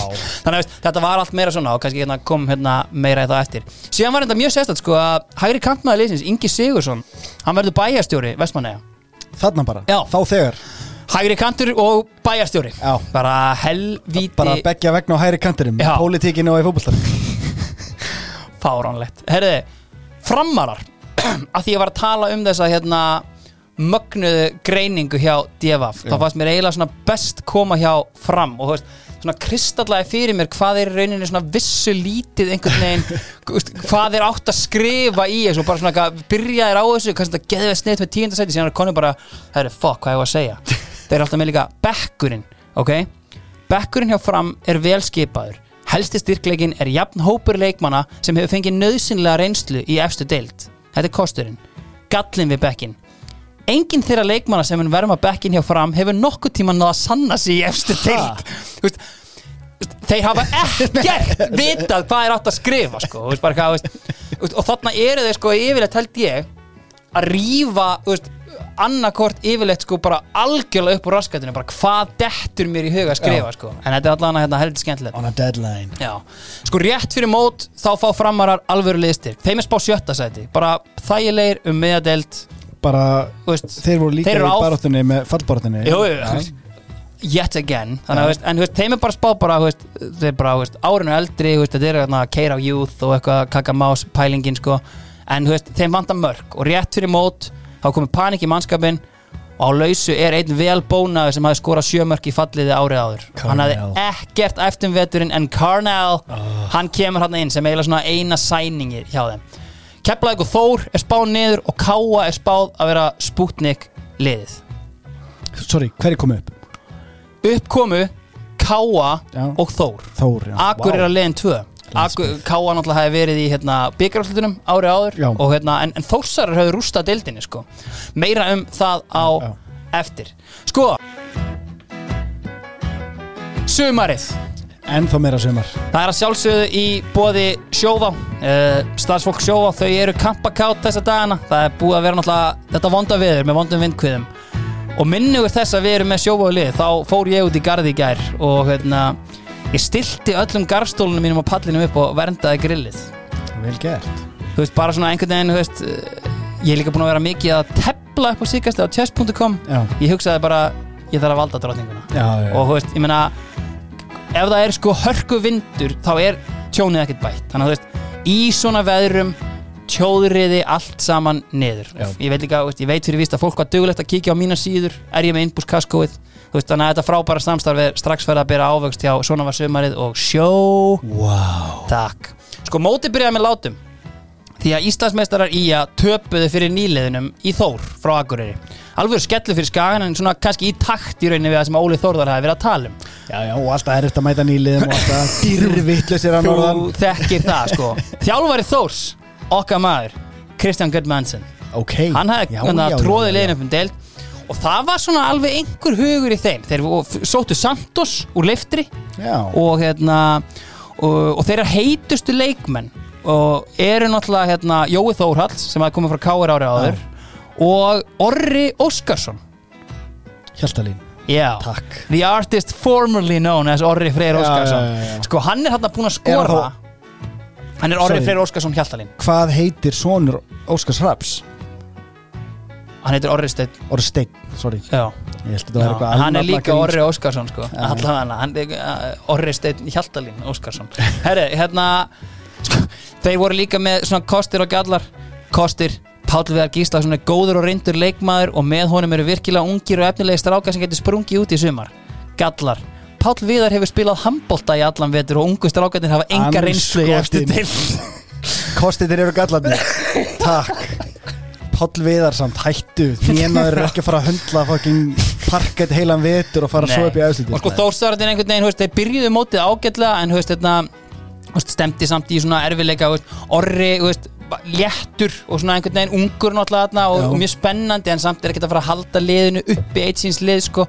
En á öðrum vikstöðum í eftir deildinni Bjarni Jó, hann þekkir auðvitað ekkert annað en að sigra á þessum tímum og hann mætti með þá appelsinu og léttu lautarmenn í Hafnafjörðin sildi heim örugum. Já, með Grindavík á öðrum stöðum í deildinni. Já, já, já, appi svona gulur Já. Voru þeir ennþá að lendi í hérna, sö- sama klúðri með búningarna þá eða? Saði ég að Bjarni Jó hefði tekið við Grindavík. Já. Stoppum aðeins hérna. Fylkismenn Þeir mættu appisunugulur og léttir í, hérna, Hafnafjörðin og sildi heim örugum 3-0 sigri. Uh, Sævar Gísla með tvö mörg og Björn Viðar Ásbjörnsson skoraði hérna, hitmarkið. Bróðir, Jóa? Nei, reyndar ekki. Ég held það samt í svona tíu ár. Ef þú sægir mynd á honum þá myndir þú bytni við þær þar að segja. Þá myndir þú vita það að þetta er bróðir Davís Þórs Ásbjörnssonar af því þeir líta Já. nákvæmlega eins og Kortrengja legend. Sko allir aðri leikir í deildinni þessari umferð fyrstu fóru í aftefli en við förum bara hans í fylki sko, uh, fylki er spáð þriðja sætinu og Bjarni Jó hafði auðvitað hætt með lið og tekið við grindaði eitthvað sem við komin á hann. Já. Bjarni sagði einfallega bara það er ekkert meira sem ég get gert hérna. Getur aðeins tekið smá hérna? Ég, ég er píntíndur ríkapaði, Bjarni Jó tekur við Grindavík. Já. Hver mætti með fylkismenn? Aðalsteinn Víglundsson Ok, ok, ok, ok. Sem að hafði verið sagt sko, hann er skagamæður og hann hafði spilað samt með fylki in the 90s við komum reyndar ekkert inn á hann í svona sumari þátturum af því að hann svo sem var ekkert að gera neitt en hann, veist, hann er skagamæður með þessa sterku fylgistega spilaði einhver 5-6 tímabila eða eitthvað. En hann sem sagt hafði verið aðstofamæður Óla Þórðar upp á skaga. Og það sem meira er, hann hafði líka verið aðstofamæður Óla Þórðar í fylki. Þannig að hann er með mikla fylkistengingu Ok. og er búin að vera þarna í læri hjá one of the greats á þessum tíma Já. þannig að þeir telja sér svona að vera bara að við erum að fá hérna inn og þetta er þannig sé frekar svona spennandi ráð þetta er aðeins út fyrir boxið einhvern veginn og þetta er náttúrulega líka hópur sem að er búin að spila saman í hvað, tíu ári já já, þú ert að koma að taka við góðu búi. En að því þú segir það einmitt sko, DFF höfðu helstar áhugir af því að móralska hliðin væri einfallega of góð. Minnugir partísins fræga sem Þormóður stoppaði sko. En það sem er líka í gangi í árbænum þeir eiga haug af pening. Þeir kaupa til dæmis Val Fannar Gíslason á þrjár miljónir króna. Og þetta er bara hvað DFF segir bara það er ekkert annað lið sem getur keift leikmenn bara úr dildinni þeir eru ekki með nettingingu þannig í árbærum það er bólan hefur engin áhrif sko. Nei, það er bara alvöru vinna sem er lögð í, í málinn sko. Það sem mestum máli skal skipti fyrir þig er að Kjartan Sturlason er aftur komin í treyju nummer 1 takk, Kitty Tom í tíuna. Kæra þakkir. Sko, uh, aðalstætt Viglutsson er fylki Bjarni Jó er með Grindavík. Já það, er staðfest núna. Það er staðfest, Já, já, ok, nú get Ef hérna- einhver hérna, miskilningur var með það. Ok. Sko uh, Í fyrstu umferðinum þá mætir þið fræga uppbyggingalið K.R. meistarefninum í Grindavík og þar eru K.R. bara í fullu svingi og koma öllum á óverum og ná að Grindavík veist, þetta- Þetta Svona var talað Ég skil ekki alveg hvað var hérna í gangi K.R. er á heimavelli á móti fucking Grindavík getum við tekið smá bara svona hverjir eru þarna þú veist bara í þessu káarliði bara til þess að fólk fái smá tilfinningu fyrir því hversu mikið ruglið er Gjörðu þið svo vel, sko, K.R. er að spila hérna bara, tökum bara hann að fyrsta leik og bara svona fyrstu umferðinar, er að spila 4-3-3 Já. Willum er, hann er að keira á youth ég gef honum það, Já, já. hann er með sko kornungan Jökul Elisabetharsson í bakverðinum Mm. sko ég held að Jökul sé 84 mótil, hann er bara 18 ára Já. þarna síðan er hann með 83 mótil á meðinni fyrsti leikmaðurinn í Dominos tríónu, Jón Skaftason hann einhvern veginn kemur bara öllum á óvörum ég er búinn að tala um þessa þungu miðju sem hefur verið hjá Káar einhvern veginn með Júrdallin, Þorstein Jónsson þú veist, Jan, Steini Gísta, léttleikandi og annað en veist, það hefur verið svona þannig. En hann, veist, Willum tekur bara inn Jón Skaftason, það svo vel. Hérna er breykið þitt. Bú, nýbúin að klára hérna þriðja árið í MR og veist, hann er bara hann inn á miðinni sko, Ok. að því við erum að tala um Dominos. Sko, ég fór í matabóð hjá einum virtasta hagsmunagæslu aðeila fjármaksengandi á landinu. Ok. átna Greta hér finnsinni, ég Já. verð bara að tala um þetta hann ætlaði að bjóða okkur í hérna, heimatilbúna pítsur ábúin að hérna, kaupa þarna einhvern opn og einhverju alvöru græjur og Ok. þetta átti að vera svag ég, ég mæti þarna og þá sé ég bara einhvern stærsta svona ferska mozzarella póka sem ég sé, já, sko, já. þetta átti að hafa alvöru gúrmeit hann hefur heilt í Emil Hallfres fyrir þetta. Allt í skrúuna fyrsta pizzan kviknaði í henni. Þetta var bara allt í skrúinni það var bara ekkert annað að gera. Who you gonna call? Það var bara Dominos party props og átna fyrir að vera úrræða góður Já, ég meina, þú veist, hann líka bara sá þetta strax og það er það sem að fólk má taka til sín. Já. og Dominos er alltaf bara one phone call away og þeir eru alltaf nálægt. En var átni auðmjúkur? Mjög, þú veist, hann, þú veist, bara, þú veist, þetta var bara hann kendi opninu mikið um. Ok, en, hann var árinni kennir hann, hann var þar. Sko, ég fekk einmitt eina, hérna, þú veist, hann pantaði eina af þeim elstu og virtustu, New York í alvöru? Ég hafði ekki, panta, ég hafði ekki fengið hana Nei, í sko- heil langan tíma. Ok, nú, nú tek ég allt fallegt sem ég hef sagt um átna tilbaka. Þetta er New York. New York, sko, með fullri virðingu fyrir sko, þetta er náttúrulega búið að vera þarna inn á matseli Já. að eilífi og þetta var náttúrulega algjört breyk, hún er ekki að koma bara um þetta leiti inn á matsin ég, ég þarf eiginlega að kalla eftir tölum frá Dominos af því að sko ég held að einu skiptin sem Ja. hún færi New York er í pizzapartí já það er sko það er reynslulus pantari sem ætlar að vera með eitthvað breytt og tekur eitthvað New York þú veist Ah, já, Já. já. Hún, hún alltaf fittar ekki inn í þessar hérna, nýju pizzur vissilega en þú veist, ef þú ert með cheddarost þá ertu með bara frábæran grunn sko. Átni er að koma svo upp já svo en við, ég höldum, ef við höldum áfram með sko káarlið það er ekkert pláss fyrir GBN það er new, já, það er bara a new king in town Veigar Páll Gunnarsson, GBN var veist, þetta er að sigla inn í alvöru meðsla GBN Já. era. Og veist, Veigar Páll, hann mæti þarna og er sannilega svona rómandi í tíunni fyrir aftan Siggarakka og einsi dan með þeim. Er það litli stóri? Sko, ég ætla að koma inn á þetta eftir. já, ok. Ræðum þetta aðeins á eftir. Svo er, sko Indislegu dítill, af því að við erum með Rýbrand, það er makeshift bakverðir Sissi Júl er bara hættur að vera high flying winger eins og ég skildi þetta þá er hann aðeins að deba þarna í bakverðinum sko. á skiptunum með, með jökli eða? Já, og veist, Steini eitthvað, veist, kemur eitthvað hann inn sko, Ok. en, veist, hann er aðeins að inn- niður í, í bakverðin sko.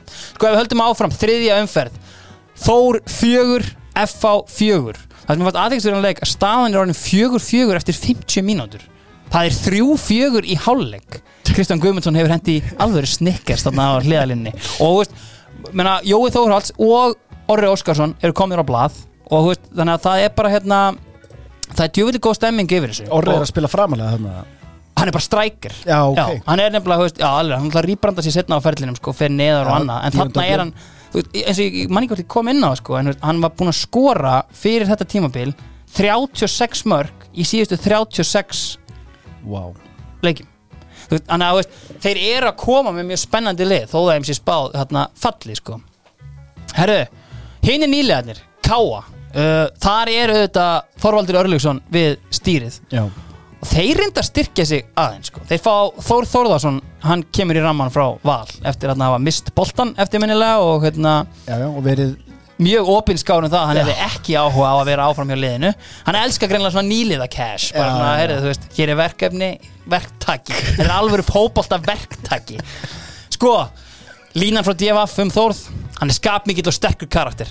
Kostir, ókostir. Hann lætur skapið oft leipa með sig Þannig að hætta að fucking púla þetta. Sko, annað sem þeir eru með þarna í sko liðinu sínu er að þeir eru með ungan hafsend Kristján Örd Sigursson, bróðir Lára Sóra Sigur. Takk, spila með káa Þetta er Þetta er sérstætt Þetta er svona á pari við það þegar þú veist, Og bæði liði uppsvingi, maður skilur sko þegar að annar er í, í dán og ég, ég upp með hinn ekkert á þessu sko, en að hann var hérna í káa sko, hvenar hann skiptir að hvort að, þú veist, hérna, sigur þú veist, eða, þú veist, hvort að fólki hafi bara flutt eða þú veist, hvernig hérna, Já, bara þetta upp í var sko. gil. Já, í hassið Í hassið. Sko, en veist, emmitt þessi Þór F.A. leikur og F.A.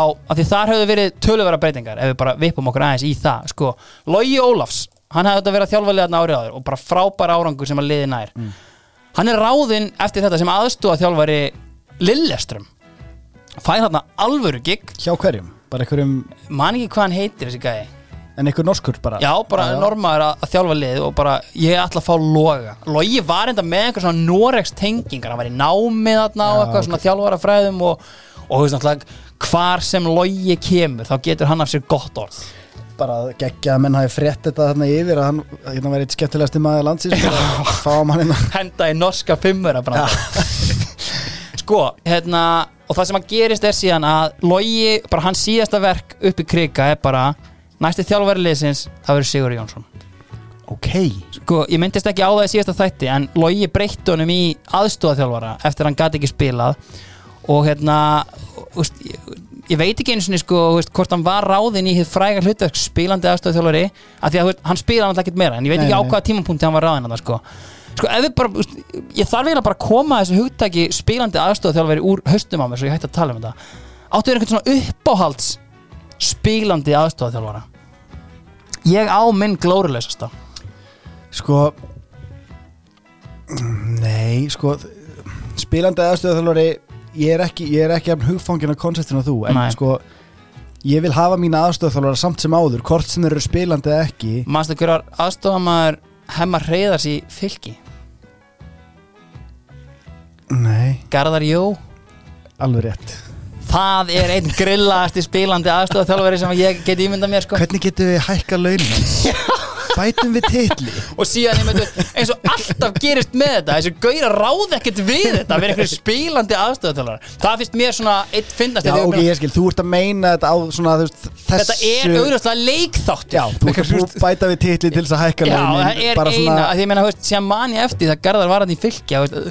hann þrýr leiki búnir þegar það væri ykkur uppgjör eftir tíma að því ég meina árið eftir er hann bara farin til K.R. sem einhver svona backup striker Já, já, já. hann er ekki spilandi þar hann er ekki þjálfa síðan þetta er bara svona algjör ég fatt ekki hver pælingi Já, með já, þessu ok. er einhvern veginn Ég skil komin það, sem Já. ég- það sem ég ætlaði að segja var sko Ég vil að aðstöðþjálfarinn sé svona Sami Lí aðstöðþjálfarinn Hann er Já. alltaf í stuttbuxum Já. Takkaskóm, skeiðklukka Það er svona staðalbúnaður. Hann er ekki, en þú veist, ef hann er með þá er hann bara með sem trúð hann er ekki bara eitthvað besti leikmaður bara eitthvað bústum að ég, veist, þetta fáránlegt og ég vil að við leggjum þetta niður bara eitthvað, algjört byrj sko, þeir selja Hannes Þotn út til Viking uh, Stavanger. Já, þar hefst náttúrulega einhver magnaðasti ferill sem nokkur Íslendingur hefur átt. Já. og þú veist bara hats off to that já guy sko. bara heimsálfutnar Já, bara því lík snild sko. En þeir fá, sko, það er huge signing upp í kriga fyrir framtíðina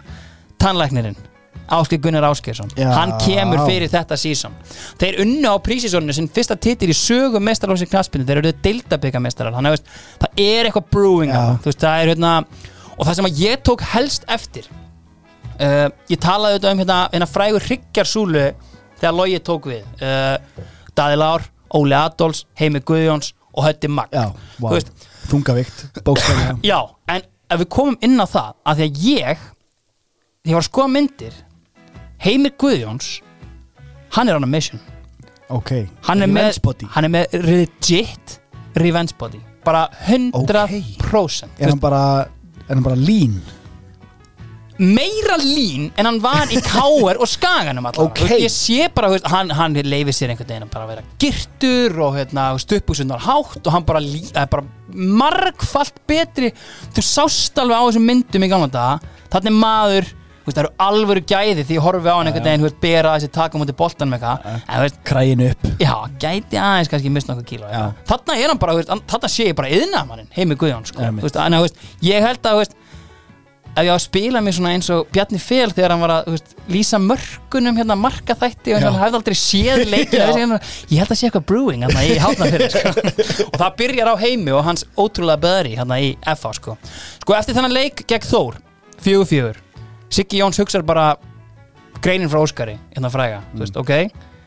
Ég ætla ekki að stoppa í götin ég ætla bara að skora sex í næsta leik. Og hann sækir Vladas Trakic litáenskan framherja Ok, og það var mín svona pæling fyrir þetta. En það sem að gerist hins vegar er að hann skorar sigumarkið í 1-0 sigri gegn Káir, þannig að hann bæði hefur greinlega verið með frábæra hlýðarpessu á hérna varnamenn Káir og síðan ertu komin að það með alvöru strakir hann setti einhver tvö mjög mikilvæg mörk þetta sumar og sko gott ef hann var ekki bara seldur til Sati Gaddafi og félaga í Perugia Já. bara á miðju sísoni sko þá er þannig einhverjar hérna, fréttir um það. En þetta er þannig alvöru dent á káeringa sem hefur farið auðvitað óvænt vel spennandi af stað. Sko, grindvikingar voru hérna í bölvuðu brasi. Þeir voru hérna, hvort eru, tapa fyrstu tveimur leikjunum en þeir fá skagan síðan hérna, ekki í heimsók en þeir fara upp á skaga. Og það er náttúrulega bara endurtekning frá hérna, árinu áður. Greta Hjartar, hann kemur bara upp á skaga og hann skora þrennur. Ok. Tvo leiki röð sem hann er búin að henda í þrennur gegn skaganum og það er alls konar bras í gangi upp á skaga. Þeir eru, eru, eru stigalausir. Ekki sigurlausir, eru stigalausir eftir þrjár umferðir. Óli Þórðar, það er bara skortur á baróttu Told you so. Bara þessi klassísku sem að svona, veist, það er bara liðsandi. Þetta meira en það er, skortur á baróttu svona, allir þessi klassísku svona frasar sem að færa Óla sigra Já. þeir eru ekki til staðar. Og það er bara alvöru vandræðagangur hjá þeim.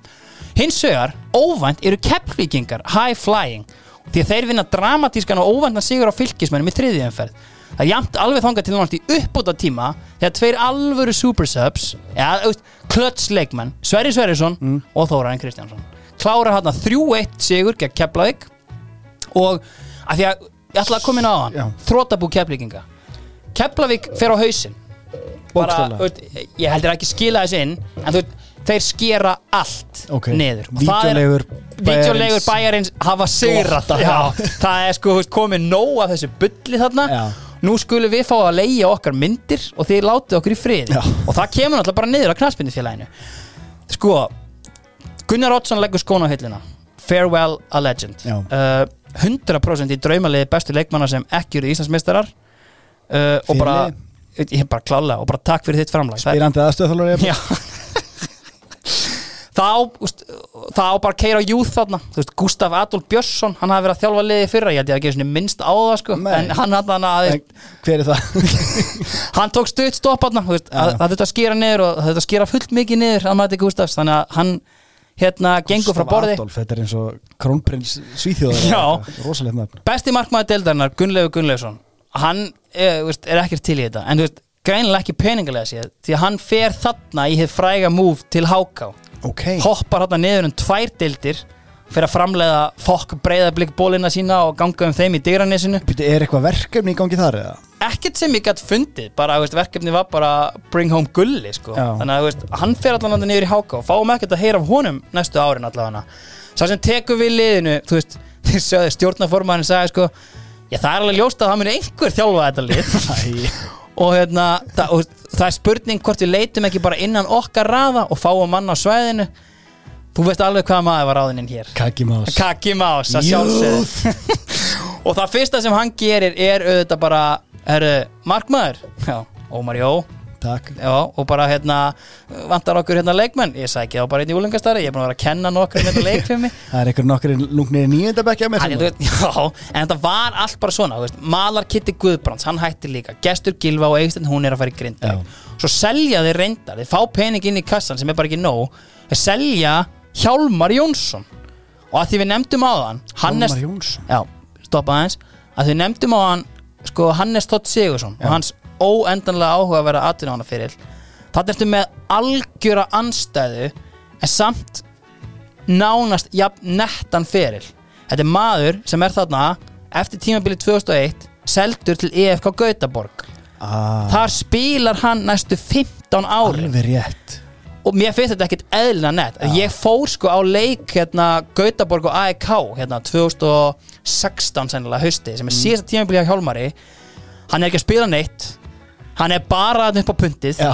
og þeir eru að tjanta nafnið hans bara á tíu minna fresti. Ég fer í sko Gautaborg Megastore Mm. kaupi mér bara, þú veist svona mural mynd bara Hjálmar Jónsson, bara, þú veist Club Legend. Ógæðslega nett og það mættu fleiri taka þetta sér til fyrirmynda Kaggi einhvern veginn fer nýja leiðir vantar hafsend tek bara hérna Soran Ljúbisits kantmann hann getur alveg leist þetta. Og hann, hann vakt alveg og það var alveg, fólk var alveg að kaupa þetta sko. Og hann, hann stóð sér vel þetta tímabil sko. Sko fylgismenn þeir halda áfram að hyggsta en þeir eins og að rífa sér í gang í toppslag gegn Grindavík og vinna þá 2-0 og við erum að sigla hérna inn í alvöru toppáratu því að kannski eins og heyrir það er einhvern veginn allir að reyta stig af öllum hérna.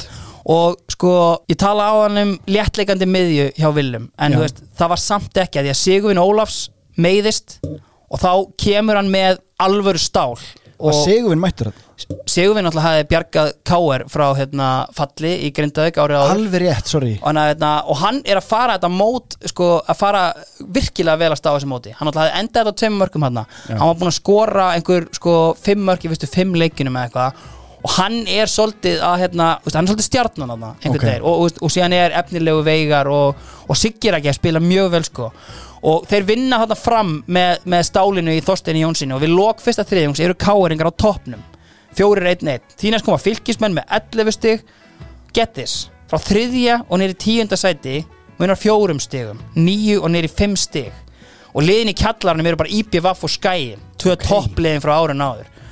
Fylgir og káer eru einu liðin sem eru með plús í markatölu. Hvað? þetta hefur alveg verið alvöru sísón því veist, maður var bara eitthvað að reyna að rýna í þetta leikirnir bara, er jábyrði þessi unnu þessa, þessi unnu þessa. Það var engin að stinga neitt af við erum ekki með neitt ævintýri hérna. Er engin svona lógík í gangi í en, og, og engin að tanka. Ég meina þú ert með Já, sko já, veist, fimm stig eftir hérna sex umferðir skilur það er alveg þú veist, Það er ekki gott en það er þú veist, er það er einmitt engin að rífi gikkin sko.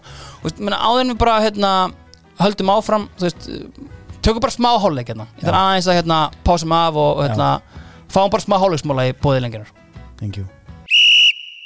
Hálfleikurinn er í bóði lengjunar Já, ég þarf eiginlega að vera alveg heiðalegu við þig.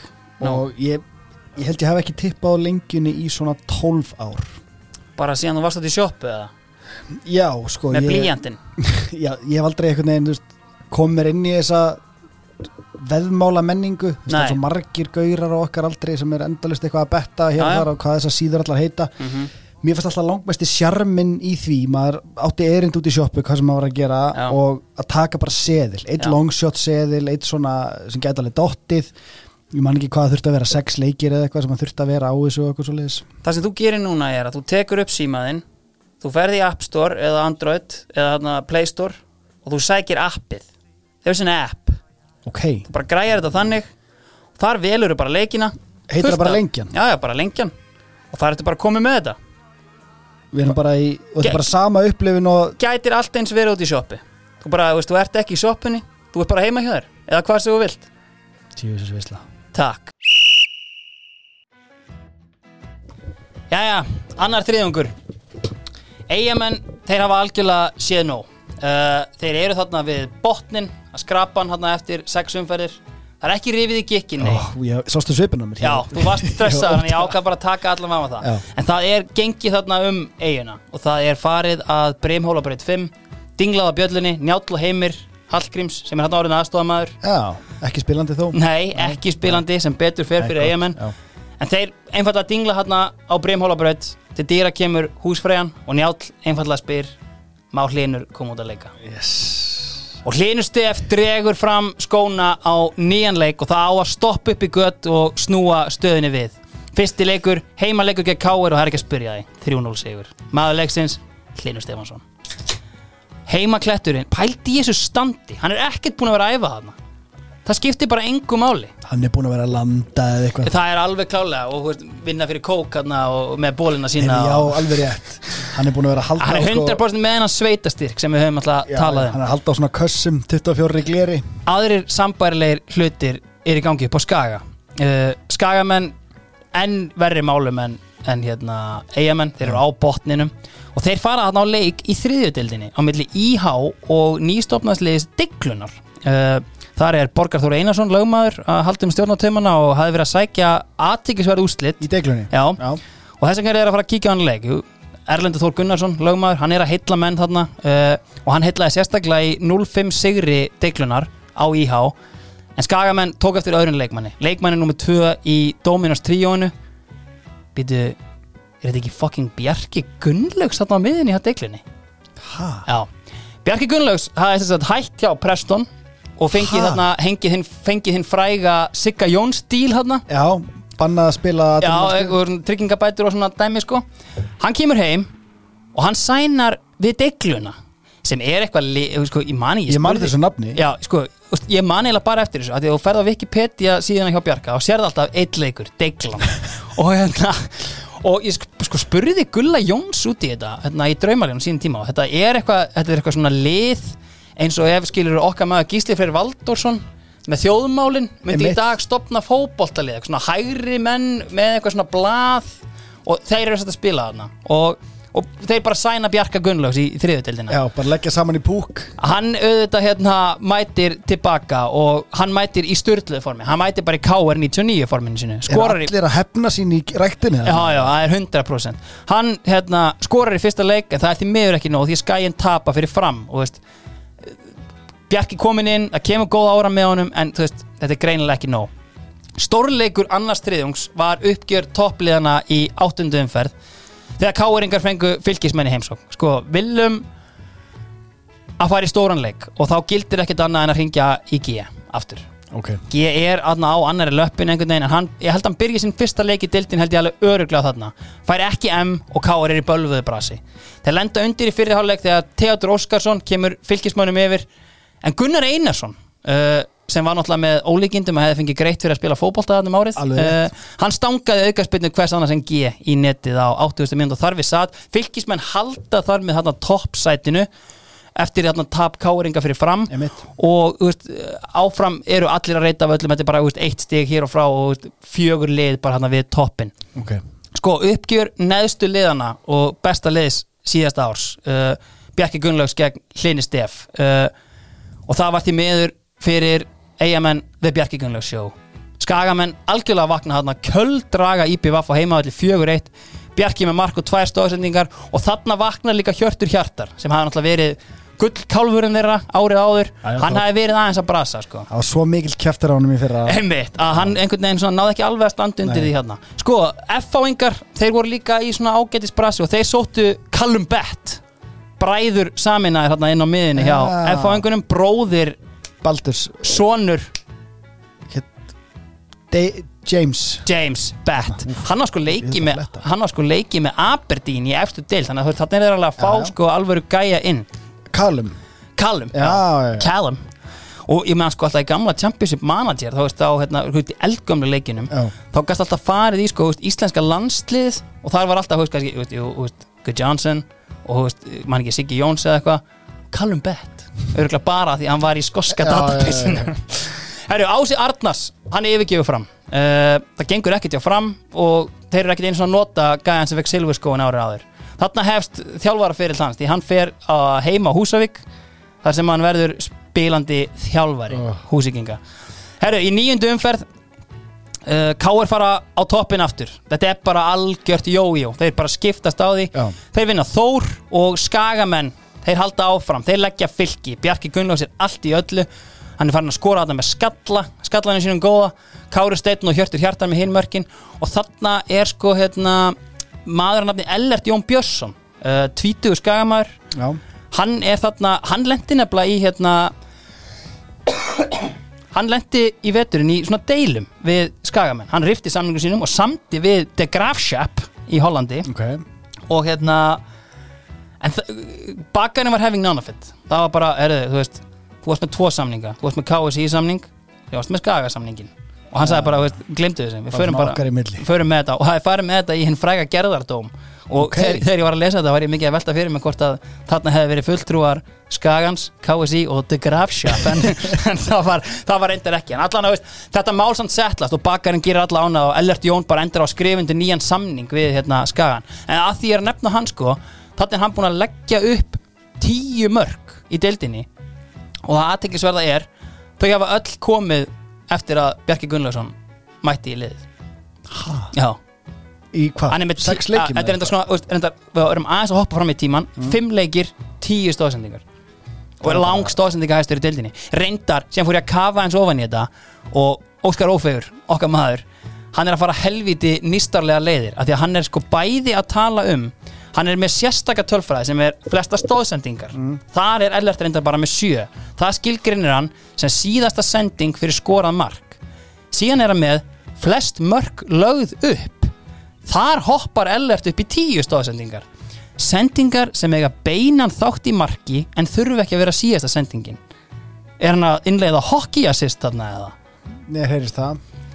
Þetta er- Ég veist þetta er samt svo úst, Er það samt úst, að leggja upp mark er samheiti við stóðsendingu Já, Þú verður að kalla þetta eitthvað annað sko. Já, já, því miður verður það bara Það þarf að vera fútnót En þú veist, og hann er bara hérna Ellert Jón hefur lagt upp tíu mörg og bara, nei, hann er búin að leggja upp sjö Já. Ég ætla bara að leiða þetta Óskar og svona var sumari hérna fyrir tveim myndir Já. Herðu, sko Bjarki er sko hérna við enda annars þriðjungs Komið að tíu mörgum Já, Ok. já, greinilega. Sko, e, veist, ekki einu sinni samt að Því að komið að tíu mörgum Það væri skilur mörg pluss stóðsendingar Já, en mér finnst samt sko þegar þú ert með svona keypassin í þessu sem er alveg þekkt fyrirbæri er það ekki Key pass líkilsending? En sko, samkvæmt opta Þá er key pass sending sem verður að skoti á markið. Ah. Key pass er ekki hockey assist sko. Óskar, ég, við, við verðum að fara að ringi í hennan gæja. Jafnvel að við tökum það í uppgjörstættinum okkar Já, maður. Bara samtal við hann. Já. Herru, sko, Bjarki er hann við enda annars þriðjungs Búin að vera í deiklunni auðvitað En komin inn. Hann er komin með sjö mörk í sjö leikjum Og er markaðasti leikmaður deildarinnar Reyndar ásamt fjórum öðrum Sævari Gísla, Gretari Hjartar, Gunnari Heiðari og Jóa Þórhalds. Þetta Þetta er er samt, svona- þú veist, pældi, hann eru tól leiki búnir Og markaðasti leikmennir eru með 6-7 mörk. Já. Þetta er ekkert skor En sko sjö í sjö er svona Já, arnarslegt það er klálega það sko En þú veist, af sem áður var þegar menni eins og Óli Þór og Bjarni Sveinbjörns eru hérna að Já. raða inn og taka 12-13 mörk og ekki einu sinni fá guldskóin sko. Nákvæmlega. Þessi deild er algjörlega snældur ruggla því hérna eru bara skagamenn mættir um miðja deild og eigamenn senda F-fáinga á botnin með 2-0 sigri í vestmannheim og þegar nýju leikir eru búnir þá eru liðin í sætum 4-10 í bara glórulausum málum Grindavík er í fjórasæti með 12 Hlustaði nú, Skæin og eigamenn með 11 Keflavík með 10 í frjálsu falli eftir frábæru byrjun kakkamás með liði og sko Fram, FA og Þór eru með nýju stig. Þannig að þetta eru þrjú stig á milli fjórðasætis og tíundasætis og sko, þú veist Óli Þórðar fyrir hennan fræga sem að Ingi Björn fór í á sínum tíma, það er bara Evrópa hérna, þú veist, eitthvað, við erum farin að nálgast efstu liðin, eh, og horfða aðeins fyrir neðan því kallum menn, sko sko, og þetta heldur bara svona áfram, liðin halda áfram að reyta stig hvort að öðru, En hver er munurinn á þriðja og fjóruða þetta? það er alveg slatti, það eru fjögur fimm stig, sko, Já, Þú veist, ok. það er hérna þar eru hérna uh, uh, uh, þar eru, skal ég þér segja fylgir KA Mm. og hérna og KR og og þau eru svona, þau eru klálega að skera sig frá þessum pakka sko, með svona þrjú fjögur stig allavega uh, K.R. mætir einmitt Grindavík og sækja það risa stór þrjú stig uh, vinna með marki á 850 minnir frá Veigari Páli og það sem að einkendi svolítið K.R. þetta sumar er bara endalaus segla fyrir kannski aðeins meira en það síðar því að K.R.ingar heldur áfram og þessi von Óla Þórðar um að nálgast eftir liðin hún var brotin uh, þegar K.R.ingar mættu upp á Skaga og tóku sinn árlega sigur uh, og þar eru aðal mennirnir Siggi og Veigar Páll þeir eru að skora mörkin Viljum sko í rauninni tók sömu pælingu á þennan leik og þegar blikar mættu þórsurum hérna 94, Já. eða maður sendi því? Ég man eftir því. Það þennan mann hann þarf einfallega að stoppa. Og það var Bjarki Gunnlaus og hann var bara, þeir algjörlega bara hérna, mörgur um lífi og bara algjörlega stoppað hann og hann sá ekki til sólar í leiknum. Hver heldur hafi mættur inn í byrjunlið með frakkan hva, Hver var það eftir? Júrdallurinn að sjálfsögðu er, jú hann er ekki búin að vera með Nei, ég, á, að já, ég var að ruggla saman hann með gæðin sem að með jakkan á kekits hérna í ykkur sem við tölum um daginn. Já, var það ekki bara Jónkári Nei, hérna hann hérna Já, Ingi Björn. Já, nei, sem Hjörvar sá okkur frá. Já, já, já, já, já, já. Helgi Már, valsari. Já. og, hérna, Og og, færði hann bara færði hann niður. bara djúpan á miðinu og hann var ennþá í frakkanum á hann Sko, á sama tíma og hérna og káringarnir er að klára skagana. Uh, þá er botslagur þegar F-fáingar mæta Þór. Uh, og þetta var kallað í fjölmiðlunum The Bat Show. Kallum og Baldur eru alvöru bræðra tengingan inn á miðinni leggja upp og skora á vikst í 5-2 sigri F-fáinga. Og hérna eru Þórsarar svolítið skildir eftir svona við botnin. Þeir eru Ok. eina liði sem er ekki komið í tveggjast eða tölu og þetta kveikta eins í F-fáingu sem gerir sér jafntefli í næstu umferð við Káar Guðmundur Sæfarsson virðist vera að tryggja Káaringum sigurinn en þá skorar Sigur Ragnar Eyjálsson bara á 87. mínútu. Já, send Guðmundur Sæfarsson verið stöður að tryggja F-fóðingu já, já, ég myndi það, já En Siggi er ekki jafnar og þetta Já. er bara þema. Þeir eru bara alltaf að tróða inn mörgum og loka segla Það sem ég vildi ræða við þig að þú nefndir litli stóri mekanismin Já, Siggi Raggi er 100% a big man og Veiga Páll er little man. Já. Þetta er samt skemmtilegt að því þetta er aðeins öðrísi Hérna eftir með Veigar Pál í mötunar hlutverkinu mm, á meðan Siggi Raggi er að taka setniból Emmitt Þannig að þetta er, sko, veist, Willum er onto something hérna, sko. Inverted Litli stóri. Algjörlega. Þannig að þú veist enna, geggjaður vinkill á litla stóru pælingarnar okkar. Sko fylgismenn segir að keflinginga öruglega með tveimur mörgum frá Sævari Þór og eru komnir þarna á toppin á markatölu því að káeringar eru líka með 24 stig. Og eins og ég komin á hann Þórsara get ekki keft sér sigur. Þeir eru hérna með 9 stig. Það fyrir ofan eru IBF með 12 fram komnir í ansi kunnulega stöðu með 13 keflag 14, skæðin 14 og eftir sigur fram á hérna, uh, eftir sigur áfram þá eru F-fanga komnir í 16 stig. Og þeir eru auðvitað komnir í þarna. hægt og rólega Já. klifra. Sko við fáum nú kannski ekki hérna mörg tækifæri til þess að ræða hérna káaliði sem eru hérna líka í Európa-baráttu Já, en við krifjum bara aðeins sko þeir eru þetta er frábært tímabil sem þeir eiga. Þeir veist, hérna, eru, í, veist, eru aldrei í fallættu. Þeir var auðvitað spáð, Óskar Ófegur búin að negla þeim í spútnikliðið og það gekk bara 100% þeir eru með Kristján Örd Sigursson í hafsendinum gamla brínið úr leiftri Slópotan Mílisits Já. hann er komin hérna í hafsendi með honum og er að byggja þetta á sturlað þéttum varnarleik. Ok. svo vægt sé til orðatekið. Fyrir sísoni hafa búið að lofa okkur einhverjum sko brasilískum bílastæðabolta alla heimir Guðjóns, þú veist, Reit Rings Dín Martin, Þorvaldur Makan. Hver á að stoppa þetta? Já, já. Heru, þeir enduðu sísonið, bara svo ég spóli því með markatöluna 18-19 sem að, sko, er mjög teljandi því þeir gerði einhver 8-1-1 jafntefli, Já, þetta var já, bara já. allt svona sko, en síðan er, og, ofan á þetta er sko, Þórður Þórðar bara eitt besti leikmaður dildarinnar, hann er bara hérna veist, Óskar Ófegur gerði ekki annað en að henda inn prósentu tölun hans af markvörslu og veist, bara, hann að þeir eru í fanta formi. Sko áður en við förum í klæmaksið og byggarinn Erum við að sigla, sorry, erum við að sigla inn í Vestlunum hana helgi með Mm. fylki á topnum já, eins og frækt er orðið. We've been here before. Það var fróði í myndum með allavega hana. Uh, áður en við förum í hérna klæmaksið og byggarinn Já. uh, við erum auðvitað líka í bóði Skólprinsun Áskers Já. þeir losa stíplur, myndalagnir og meta ástand. Já. ertu með pínu litla lög pínu litla sem þarf að mynda? Sínir geira stíplu, þeir græja það. Já, það er sjálfsögum og þeir eru auðvitað með hennan leiknismóla uh, Kóttu með hann sko þú eiginlega komst með hann uh, af því að ég þurfti að færa eftirminnilega mólana til og frá þá erum við svolítið bara ári eftir já, í þessu já, já. það sem er auðvitað ótrúlegt þetta sísón hjá leikni er að þeir enda í síðasta sæti alið á sjálfmótinu en eiga samt markahæsta leikmann mótsins í. Óla Ben Ólafsinni já. Farða aðeins með okkur í gegnum mekanismann sem er sámikli höfðingi. Ó, sko, hann er jakkaðan þér. Já, 91 módel. Já, og ég talaði um það í einhverjum leiknismóla fyrir einhverju þáttum síðan hvaða er svona löng saga af what could have been Mm. hérna leiknismunum Já, og hann er alltaf svona efstur á lista hjá mér þar. Já, og að einhverju leiti markar hann svona pínu endalog þess já, hann er síðasti. What could have been? Soldið sko, er, svona, það er náttúrulega nokkur inn á milli en þarna fara síðan að skila sér Já, já, veist. Hilmar Átni og svona Mm. hérna, hann er ári, eld, nei, ári yngri en Óli Ben og svona. Já, en bara gæðin sem Óli Ben bjóð yfir og þannig eru vonandi einhverjir að hlusta sem hafa spilað á mótunum og svona geta verið að kinka kolli núna svona, Já. já, já.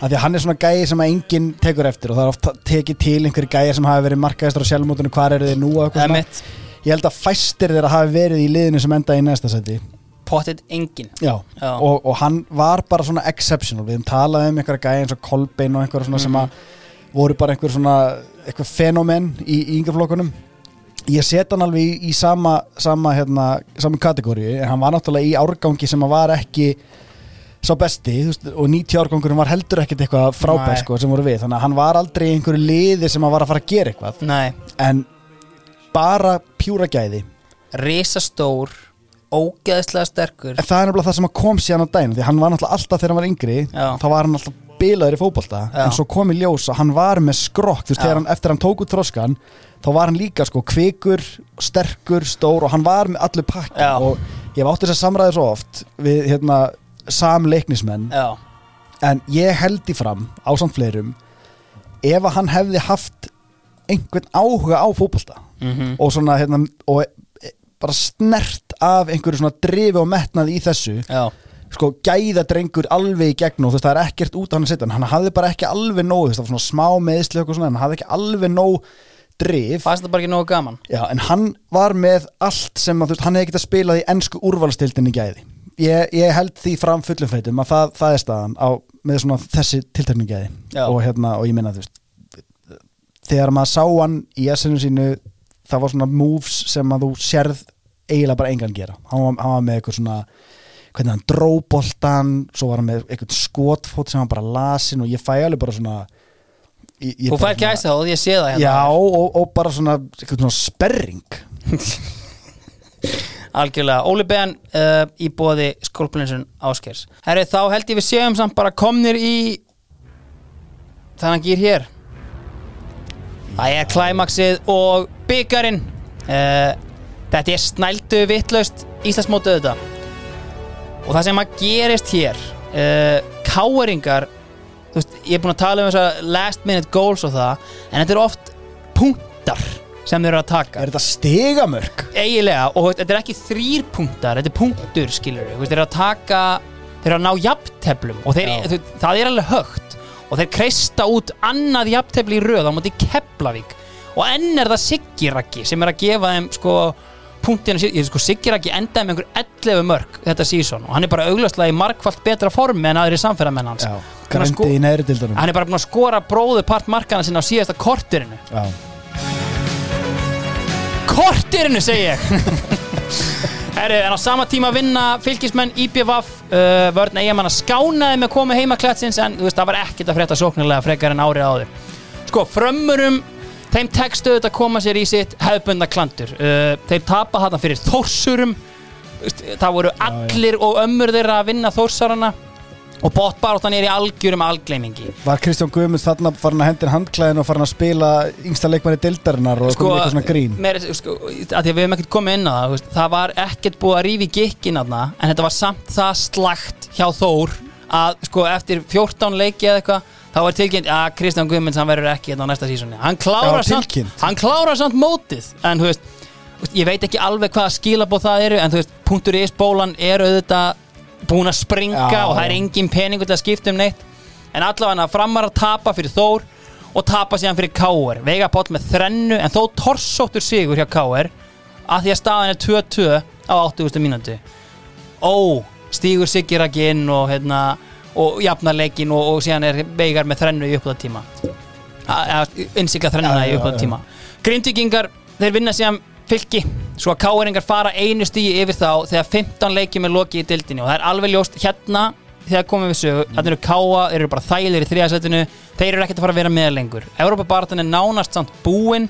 Þetta, þú veist, Grindavík eru komið hérna veist, yfir Káa og, og botbaratan er svo stjörnurugluð. FH eru tiltöla þægilegi með 18 stig eigamenn og keplæk með 16 og fram og þór með 13 þannig að ég skal bara spoila því að Þór tapaði rest. Þeir eru búin að fæða, þeir gerði ekki neitt. Þeir bara, veist, gössamlega skitu á sig einhver alls slakasta setnu umferð sem menn hafa séð og þeir eru að falla ef við komum aftur inn á þágækju staðarinn Mhm. með hérna, Tómas Inga. Þeir eru að falla með tíu marka mann. Jói Þórhalds er komin í tíu mörg Ok. Mandavali Mara, hann var skorað að lagði upp einhver 60% af mörkunum. Og einmitt eins og ég kom inn á þú veist, uppgjörið, eða, uppgjöfin algjör þegar Kristján Guðmunds segir af sér en klárar þó tímabilið? Einmitt. þegar eru fjórar umferðir eftir og það sjálfsögðu vannst ekki leikur þar. Fjögur stig úr síðustu tíu leikjunum. Gera betur. Er það frekja? Allavega fylgismenn þeir vinna í 16. umferð og það er auðvitað sigur og þór. Það samt stendur tæft á 80. minútu skorar Theodor Óskarsson sigumarkið og sama tíma gáttu káeringar ekki gert meira en 1-1 jafntefli við eigamenn Valsmaðurinn knái Einar Þór Danielsson með jöfnuna markið þarna eftir að Gunnar Heiðar hafði komið eigamennum yfir. Og káeringar voru einum fleiri í sístu 20 mínúnar hendur gumma beðan inn á eins og vannlega að reyna að sækja sigurinn en allt kom fyrir ekki. Og enn og aftur þetta hlýtur að vera eitthvað með í svona skiptum á já. það var aldrei sama lið. Ef við skoða bara tímaflakk KSI Já. bara umferð fyrir umferð þetta er bara ding, ding, ding, ding, ding. Þetta er rosalegt sko.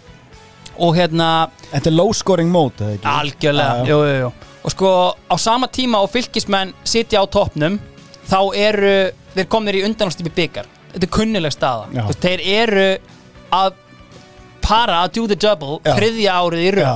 þannig að það er spurning hvernig það gerist sko, við við erum komnir hérna í 17. umferð og ég vil eiginlega byrja þetta bara aðeins á botbaróttunni Ok, Grindavík klára Európa-sæti sitt, þriðja sæti e, í 17. umferð með frábærum 1-5 sigri á, jú, Þórsurum og senda þá endanlega niður en deild. tölfræðilega. Eitt af því sem við hafði riði bakkamunum hjá Grindavík í setni umferðina, því þetta er frábæra setni umferð. Já, það var á ákveðnum tímapunkti þá hróplaði Bjarni Jó aðeins í liðinu uh, þegar þetta var ekki þetta og hann basically tekur besta leikmann liðsins Sinisa Kekits en að því að húst, hann, er, hann er besti leikmann í liðinu ásann kannski Gretar Hjartar. En sóknin er samt ekki einhvern veginn að tikka. Hann vildi prófa, en hann gat ekki tikið Kekits úr liðinu, nei, fær hann í hafsendin. Já, mitt og það kemur bara á daginn að þú ert bara með veist, fyrir utan augljósan skort á hraða Já. þá ertu með bara nútíma hafsend. Bara sturdlaður í löpunum, Já. vinnur allt í loftinu getur ekki treyft sig. En þú veist, hann bara fittaði fullkomlega þarna og er bara í liði ársins bara sem hafsend og, hérna, og það í rauninni úst, klárar hérna, bjarg, bjargar tímabilinu rauninni fyrir að spá toppnum sko.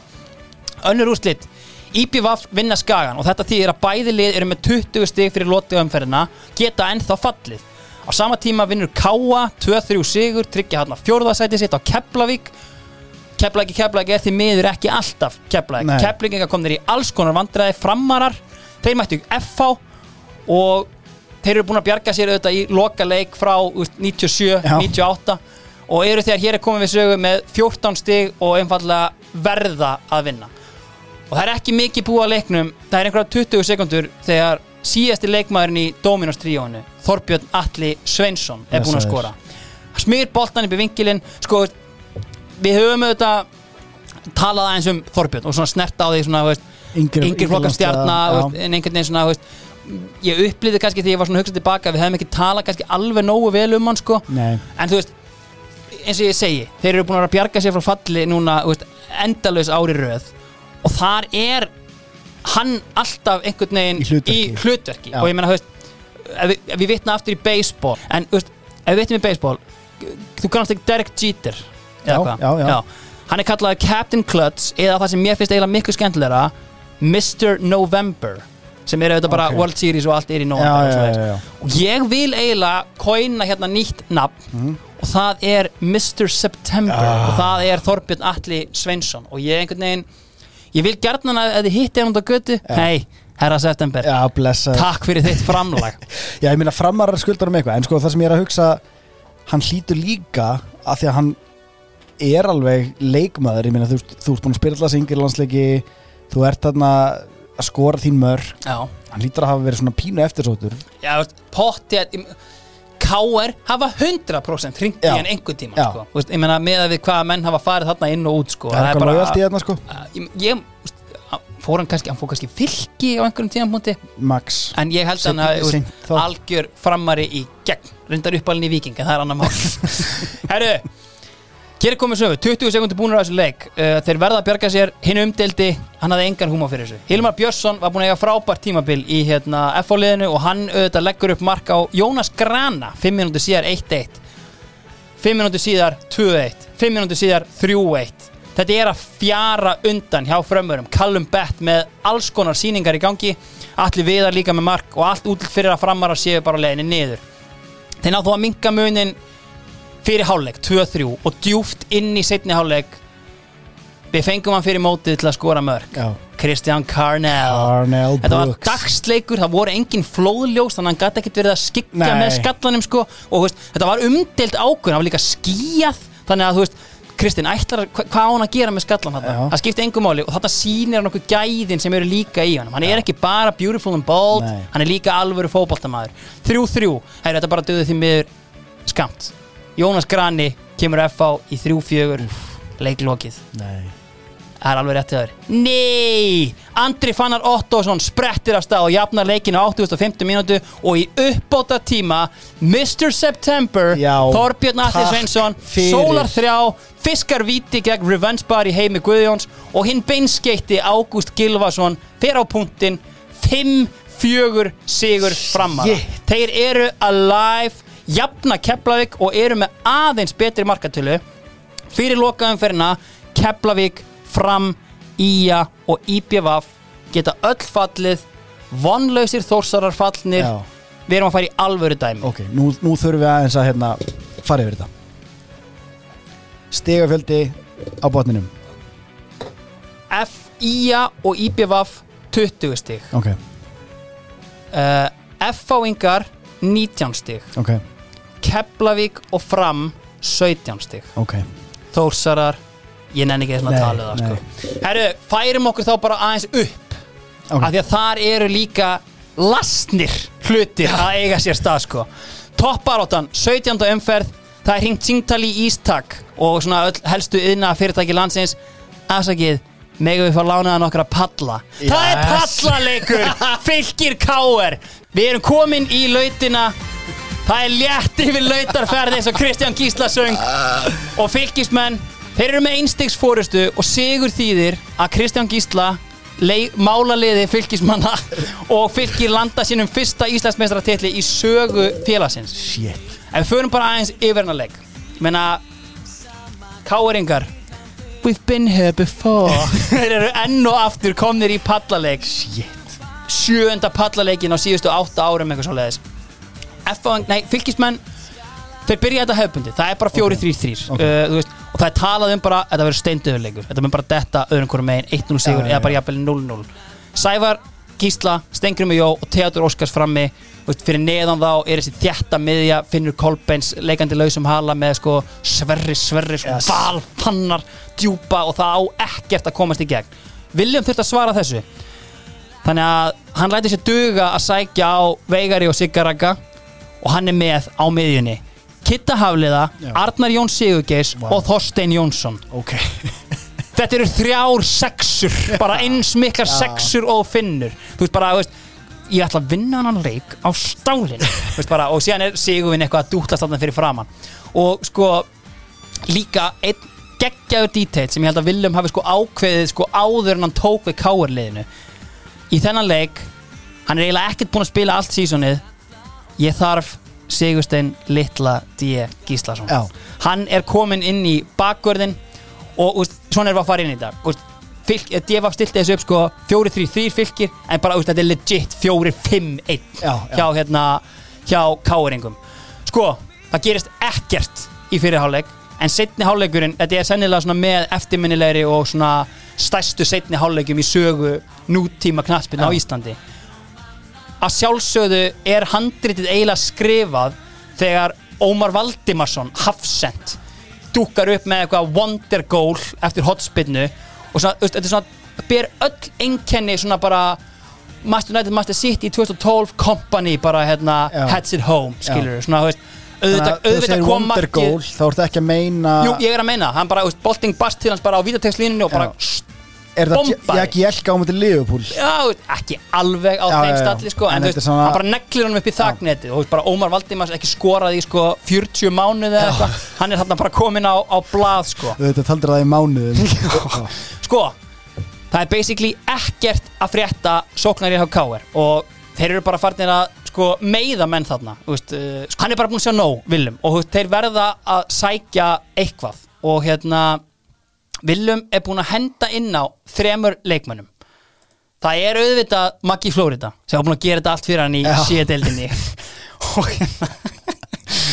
og valsarinn einsi Dan hann er komin að inn á. Og síðast en ekki síst Jón Litli Skaftason. Já. maðurinn sem ég talaði um hefði rið húsum hérna í upphafi móts. Já.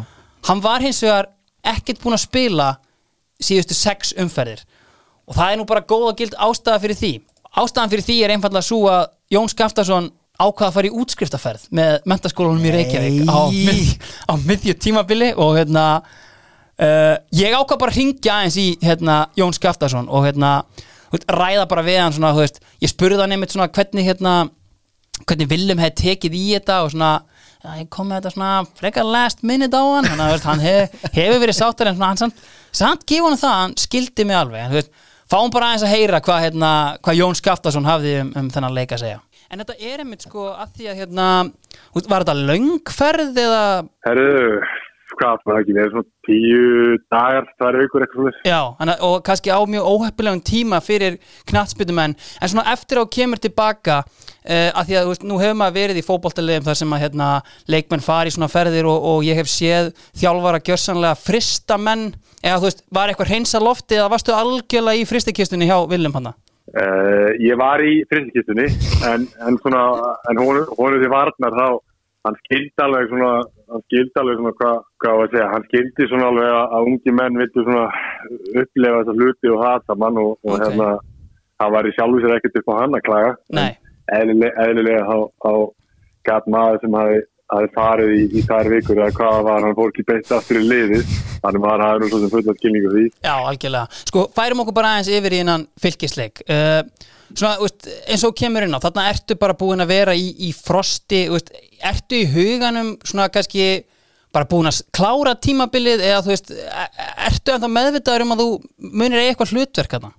Uh, Já, það er stórt að spurt Ég held nú að maður hafi nú kannski ekki gert mikla vendingar en það er nú samt þannig að, að maður var nú svo sem átt að keppnismæður og hefur válust og, og fullur sjálfstöðs og það allt saman. Mhm, þannig að maður, maður hefur nú kannski válust haft einhverja svona einhverja förðulegar hugmyndur um að maður ætti að, ætti að hérna, bara byrja einhvern einasta leik en, en eðlilega þá gerir maður það ekki. Nei. En svona, þú veist, síðan bara í leiknum sjálfum uh, það er ljóst, þið eruð að elta leikin þarna, uh, þeir, það er lítið búið að vera í gangi.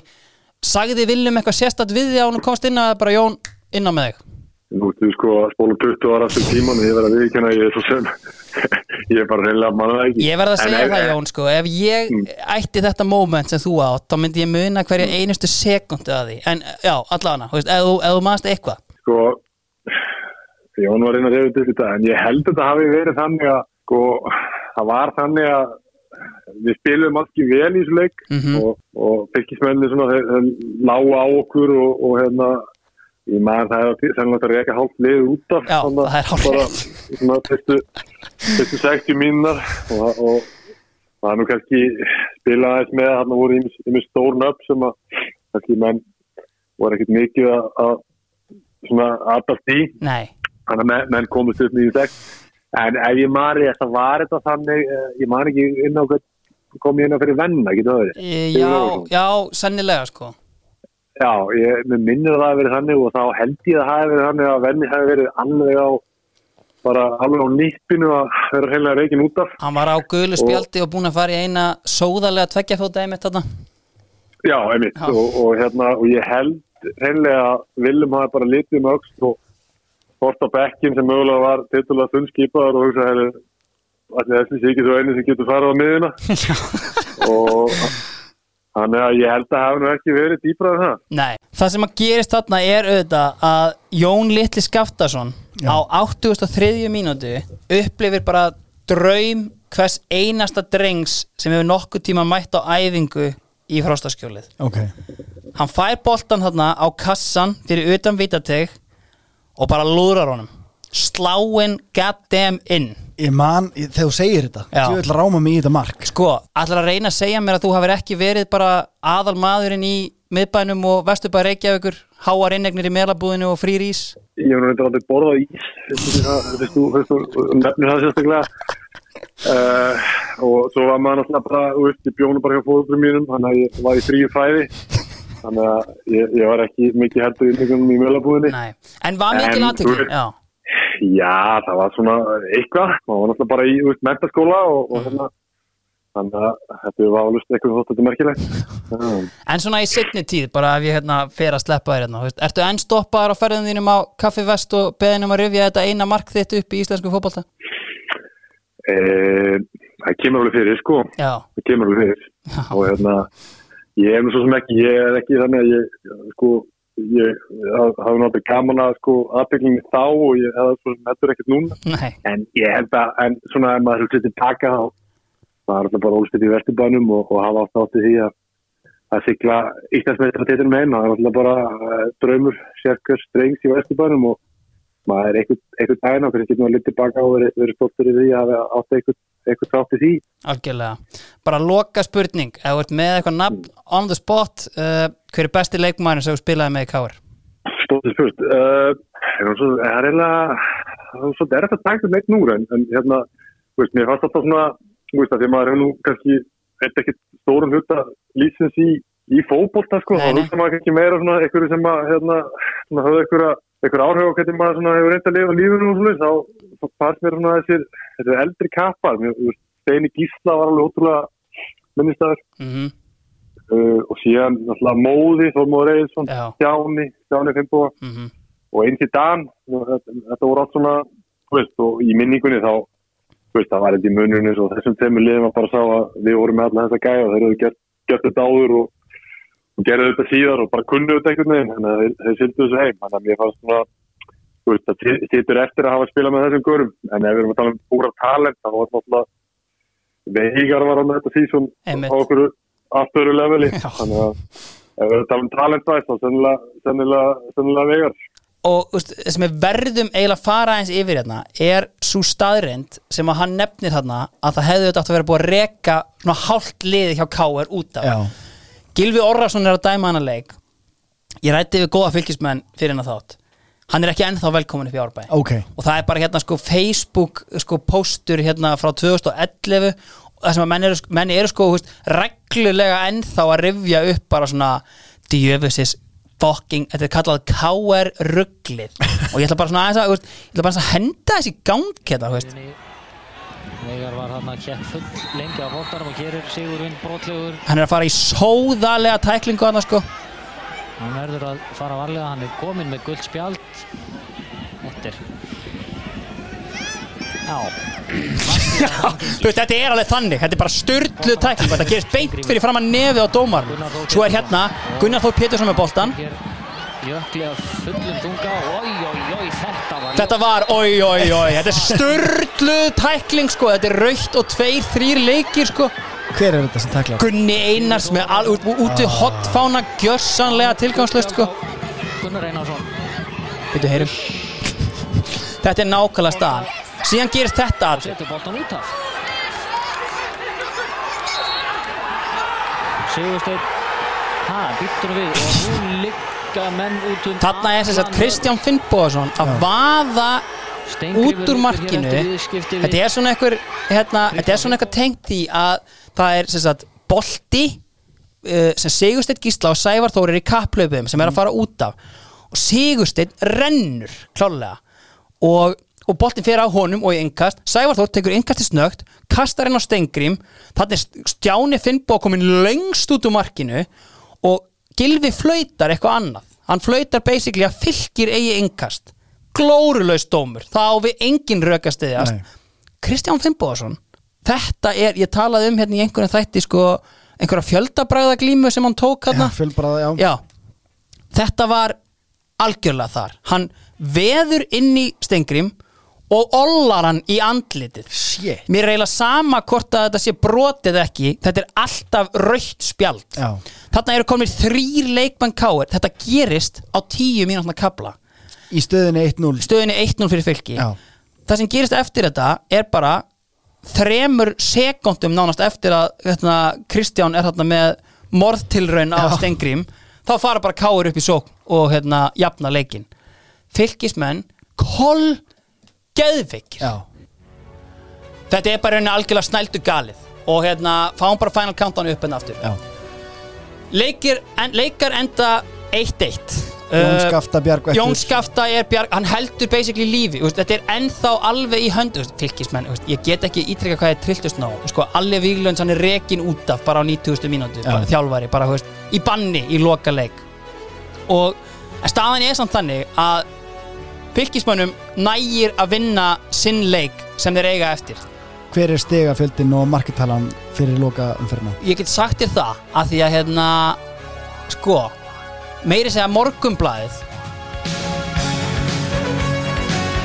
þeir fóru að velta upp þeim möguleika að við gætum fengið hreinan úrslitaleik eftir átján umferðir það var bara kafað ofan í reglubókina ef fylgir tapa fyrir skaganum 1-0 Já. og K.R. og Þór gera 3-3 jafntefli þá hefðu við farið í legit hreinan úrslitaleik Þá erum við að tala um jæmt á öllum tölum og innbyrðisleikir báðir í aftur Einbyrðisleikir fóru 1-1 og það hefði verið alveg hnífjöfn markatala ef það hefði farið 1-0 fyrir IA og 3-3 hérna, En hef, hefði verið sko hefði verið útivallamark í innbyrðisviður Já, það hefði gilt en það bara var ekki búið Já, hér báðuleikir 1-1. fóru 1-1 Jú, Sko, hérna eins og ég segi uh, við vitum það Þór tapar öllum leikum, Káur er unni 5 Já. veist, þannig að það er allavega komið. Uh, sko í öllu þessu hafari er Sigurður Donis orðað við Middlesbrough og Newcastle og Manchester United. En það hefur bara engin tíma til að spá neitt í því. Það er bara verið að velta sér fyrir hvort við fáum hreinan ústendaleik eða ekki. Sko, loka umferð og við erum með baráttu út um algjörlega alla dild Káur mæta Þór 5-0, við vitum það alveg. Auglustlega fylgir verða að vinna sinn leik. Byggarinn nota bene conveniently er auðvitað upp á skaga þeir eru búin að vinna árin áður. Þeir eru bara búin að Já. rík halda í hann og ætla ekki að skila honum fyrir þeir þurfa að gera það. Nei. þannig að KSI tekur þessa ákvörun ok, tökum hann ekki aðeins strax. Byrjum auðvitað með hann hér. Fylgir er á toppnum. En það er ljóst að bara við þurfum að hafa fyrr, þyrlu á standby og svo. Þetta er þyrlu tíma Þetta er tímabilið og síka bara sko hérna, hann sagði sko and I quote við þurfum að hafa þyrlu eða keiran mjög hratt í bifreið sem er einhver fyndasta pæling sem ég hef heyrt sko Göngin kom Já, þetta er bara algjörlega. Herru, sko Vandamáli er að það er leikt að ræðanleika Því fylgir bara átti aldrei nokkur tíman breyk þeir algjörlega koksuð á þessu. Staðan var 0-0 í hálfleik Já. Þá er staðan hann 3-0 fyrir KR Og bara, veist Það er faktist engin aðna Jú, þeir eru búin að vinna byggartitil En veist, þetta er ekkert lið af winners. Þeir eru með Sverri Sverri sanna Já, Og það er örugglega bara eini leikmæðin sem hefur unni Íslandsmeistaratitil í þessu liði. Já. Sorry, Stengri með Jó líka. En Stengri með Jó er aðeins fara að fattast flýð er staðan þannig að ef að fylgir vinna sinn leik Þá eru þeir Íslandsmeistarar. Já, þú veist, þeir eru stíja undan. Já, þeir eru stíu undan. Já, já, já, já, ok. Þannig að hérna, þeir eru meiri segja sko Nei, þeir eru ekki tveimstum undan, þeir eru stíu undan. Uh, Já, já, Þannig þeir eru að stíu markatalan undan. skipti engu máli. Markatalan skipti engu Já, máli 1-0 í- Ef að grænt, Káur já. myndi vinna sko. Ok, staðan er 0-0 Í háluleik 50.2. mínúta Hjörtur Hjartarsson 50.5. Með mínúta skítaglottið 50.5. mínúta Gretar Rapp 2-0 og þetta gerist meira sér sko að veist, stuðningsmenn K.R. eru auðvitað með útvarpið og bara hlusta og það trillist allt í stúkunni og meira sér sko Veigar Páll hleypur til þeirra og fagnar með þeim bara í miðjum leik þetta er alveg þannig stemming og sko ég man, ég man ekki hvernig ég rætti við þess ég var að tala um hennar leik sko hvernig spilar svona leik út sem þú ert löngu búin að vinna það er 5-0 eftir Já. 60 mínútur og, og, og ég man ekki hvort það var venni sem sagði bara, já við vorum basically bara að senda á millið þarna og bolti. spýða sko, og, og síðan hegi bara þyrlan nálgast og lendir á æfingasvæðinu. og hérna, hún mætir hérna og sko, það er mjög áhugavert sem að hérna í klefa eftir leikina mútið fylki þá hérna hefur Willum sagt sko að allir voru svona, þú veist fuck, veist, þetta er farið. Veist, þetta er ekki okkar höndum, þetta er vonlaust. Það var einn maður með legit skítaglott ekkert eðlilega ánægð með gang mála. Guys, við þurfum bara að vinna Þór.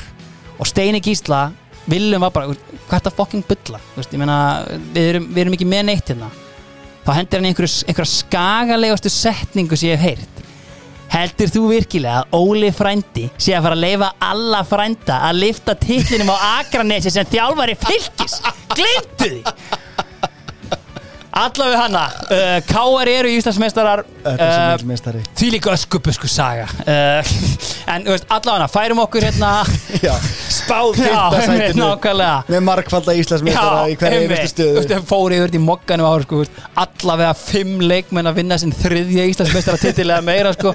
herri, bóttbaráttan við þurfum að fara yfir hana. Hún var hins vegar ekki jafn dramatísk og maður var að vona fyrir hérna, þennan, þessa umferð sko. Ok, svona svipað og í rauninni svona dæmið með fylki og, og hvaða skaga leiki eru að tala um hana? við erum með Keflavík, Grindavík Ok. og Keflavík bara verða að vinna þann leik og Já. treysta líka aðeins á önnur úslit þeir eru í slagur. algjörlega Keflavík rúlla yfir Grindavík 1-4 uh, vandamáli er að framarar gerðu það líka þeir algjörlega rúlla yfir Káa á Akureyri. Mr. September, hann leggur upp tvö mörk í örugum 0-3 sigri þar sem að maður nafni Freyr Karlsson skoraði tvö af þremur mörkum sínum í 90 leikjum í efstu deild. Og hérna tryggði þar með að framarar eru þarna einu marki fyrir ofan Keflavík eru þar með búin að bjarga sér, þeir þurfi ekki meira. En eitt skiptið maður. Gjörsanlega fáralegt eina von keflvíkinga er loka leikurinn sem að er FH IBVF að því FH eru með 19 stig. En spilaði setna nei nei, á sama tíma Já, já, við já, bara förum yfir þetta svona í þessari já, röð. sko, FH engar skora samt svona tiltöla snemma í setni hálfleik, Alli Viða Björnsson. Uh, og eigamenn gera svona einhvern veginn það sem að þeir reyna að gera en Jónas Grani mætir og gulltryggir þetta á 88. mínútu. Og þá er þetta endanlega farið. Ok, sko sjófa báði með aðeins um að fara yfir svona hvar liðin hefðu tryggt sig. Og í tilviki framara er þeirra trygging Mr. September. Já. Hann er alltaf hann Hann er þeirra einbúrskaskó það er bara 100% það sem hann er. Og ég meina sko Haukur Ingi til dæmis veist, ef við förum yfir bara hvað vantaði hjá Keflavík Já. hann var eiginlega ekkert meðvegla meðsla og það er basically eins og að skilja einbílishúsið þetta eftir bara ólæst bara og þú ferði frí til spánar í þrjárvíkur sko. Bara sen undir R3 ráðgjöf hvort þeir eru endur skoða eitthvað af þeim ákvörðun sem dúkuð upp. Þeir sjá auðvitað um launamál klassbytnum manna fyrir verktakagreislur þessi vinna sem að, úst, maður er alltaf með tremma yfir kíkti hann í bollundaginn því líka fagmennskan. Já, þeir svona hugsuðu, veist kannski hefði verið sniðið til að Keflavík að vera ekki gjaldrúta já. Það var hefði svona þeirra veist, og þeir sá alveg tækifærin þeir hefðu getað bjargað einhverju þar. Vídeolegur. En algjörlega, það var svona veist, í rauninni staðan, þannig að í rauninni þú saman upp á eftir, förum aðeins yfir á eftir. Því við verðum að fara yfir byggarinn semifinals fram í BVF á lögadalsvellinum tíðinda lítill leikur svo sem. Uh, en í setni hálfleik komast eigamenn í 1-0 með marki frá hinnum íslenska Martin Kíon, Páll Hjarðar. Já, alvöru stál í þeim manni. Uh, það er sennilega harðast það nafni. ég er bara, þú veist, ja, 100% Jakob Ljónarsson er eina svona sem challenge Já. Páll Hjarðar. Hjarðar er ekkert eðlilega harður. Uh, það, markið hans þannig að varnamaður fram skallaði boltan í rassin á honum. Og þaðan fór boltin í net. En sók framar að fóra að þingjast uh, við veitum alveg hvað mánuður er. Það er september uh, og Þorbjörn Alli Svensson jafnar auðvitað leikin og sjö mínútum síðar glæsilegasti leikmaður deildarinnar setur skallan á setur bón á skallan. Það, er, það eru flóðljós. Já, Birki Kristinsson blindast og Já, Kristján já, já. Carnell treður honum í neti 2-1 sigur. Og hinn úrstættarleikurinn er rímats frá úrstættarleiknum ári áður. Káa fylgir engin naglbítið þar. Uh, Káa fylgir eru 3-0 yfir í háluleik reyndar ósangjant þú veist, Já. Káa hafði leigið í færum og þessi mörk voru öll algjör skýta mörk sko. Já, í rauninni sko, veist, Óskari blöskraði þarna þegar að fara yfir þetta. En veist, þetta er ekkert hérna, hérna, dæm, fylki kæst í úrslitaleikin og eru þarna einmitt on a double run þriðja árið í basically. Fylki fram. Algjörlega. Sko uh, úrslitaleikurinn fylki fram þetta er ekkert merkilega leikur. Uh, Valur Fannar skoraði gegn sínum gamlu félögum komið með 1-0, Andri Fannar Ottosson jafnar það er 1-1 í háluleik ok, en síðan eru þeir bara miklu betri fylgismenn. Tvö mörg frá byggar Sverri Sverris og síðan Theodor Óskars. Já, 3-1 byggarinn í árbæinn sárabót og í rauninni frábær árangur hjá alla Víglunds, skilur Já, annars þetta í deild byggamestari, en það er óbragð já, þetta er lið Já. eða þú veist þannig, búin að kaupa eitthvað í og hérna búið að þú veist, þú með hennan árgang og svo ertu búin að fá að eyða í bútasveimin sko til þess að púsla þessu saman já, já. sko. þannig að Þetta veist, aðalega er þetta bara svona veist, við gátum bara ekki fucking tróðið þessu yfir Já. línuna sko. sko, to sum up KR eru meistarar uh, fylgir er í öðru sæti og fara í Júfa Cup ásamt grindvíkingum og Ól segir káamenn fá Inter Toto sætið fyrst að fylgir eru er- byggamestrar já, alvöru spútning sumar hjá þeim keplaði eitthvað þór niður í aðra deild eða fyrstu deild, Óskar Ófegur fucking spot on. Ká að vera spútninglið, keplaði eitthvað þór falla. Óskar er að eiga heldur gott gó, svona góð ár þarna bara svona Já, já. frelsið, víðir í farin já, og hann er svona getur hann flóið já, já Hann he, yes flogið. he can. Já. sko ég ætla að kannski rúla bara yfir lið ársins þú veist, Birki Kristins var í markinu. Eins og við komin á hann síðan þess að Kekits í hafsendinum Þormáur Egilson Mm. við gefum honum bara smá þú veist, hann æfði ekkert um veturinn. Hann var hættur. Hann bara stoppa partí. Basically, já og veist, Willem sagði mér sko nei, nei, það er algjör miskilningar ekkert eftir um veturinn. Hann var í lögreglu skólanum og þreytti þar erfiðar æfingar. Það var eina æfingin hans, bara verið í löggunni.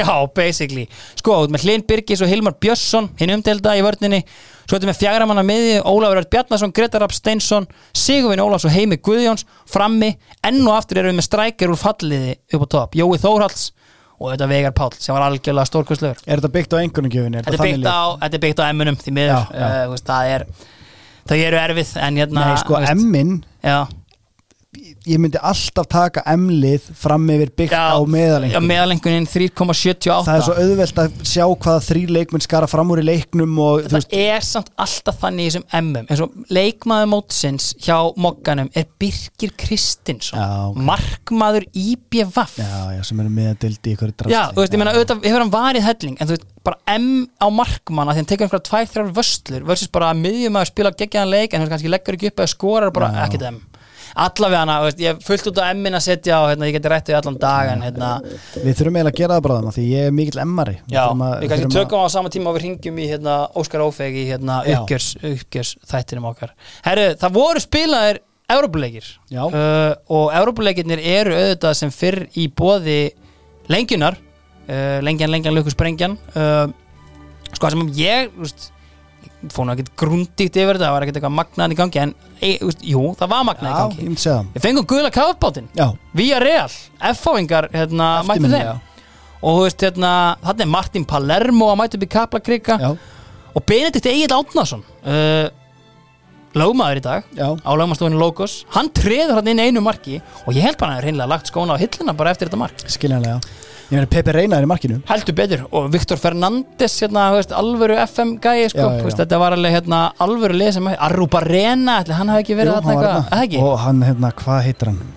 Javi Gracia hérna sem var síðan þjálfari. Já, einmitt, hetjum sko. Það var alveg hérna nett að fá þess að ég man alltaf, veist, það var alveg, veist, maður var alveg sko, er Martin fucking Palermo var að mæta hérna sko.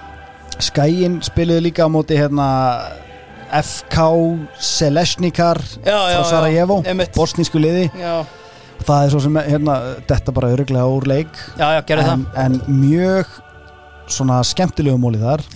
Þar var á miðjunni árið 2002 í Selnesnikar já, leður til mig, takk.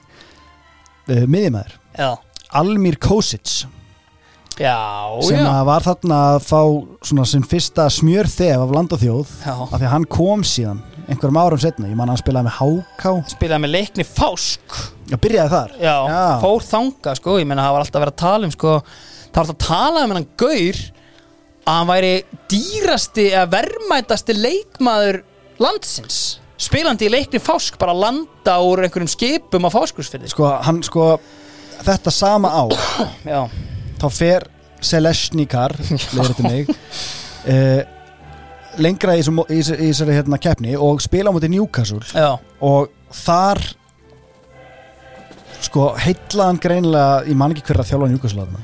örgulega Bobby Robson Já, er auðvitað bara svona. Heitlar Sör Bobby það mikið að það er bara lagt fram tilbóð Mm. ein miljón punta sem er neitað sem er alltaf fárlega grillað í ljósið þess að fimm árum setna er hann að landa á fáskursfyrði það hlýtur að vera þetta sem menn eru þó eitthvað að reffa í sem Já. eitthvað verðmætasti að hann hafi hann sé, já, já, já, já, já. hljóti þar Hann að meira meira virði. en ein miljón pund.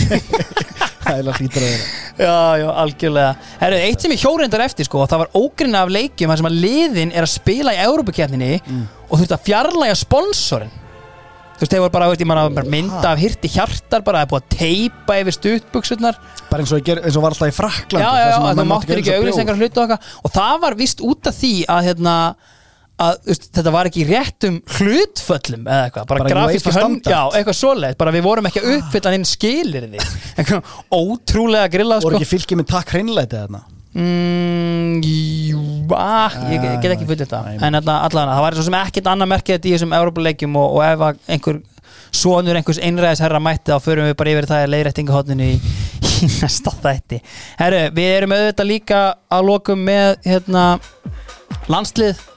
Já, það er auðvitað sem fyrir í bóði margt smátt. Uh, það er að þeir eru með allt fyrir bumbuboltan það eru kelmebúningarnir, þeir allra bestu þú uh, ert að spila í einhverju eða eitthvað svona. Það vantar bara búning á liðið það er bara eitt stað til að fara á. Er ekki einhver hérna, þarf ekki að panta eitthvað ákveðið mikið magna Nei, það er ekkert svo liðis algjörlega, martsmátt.is, kíkið á þá topp þjónusta.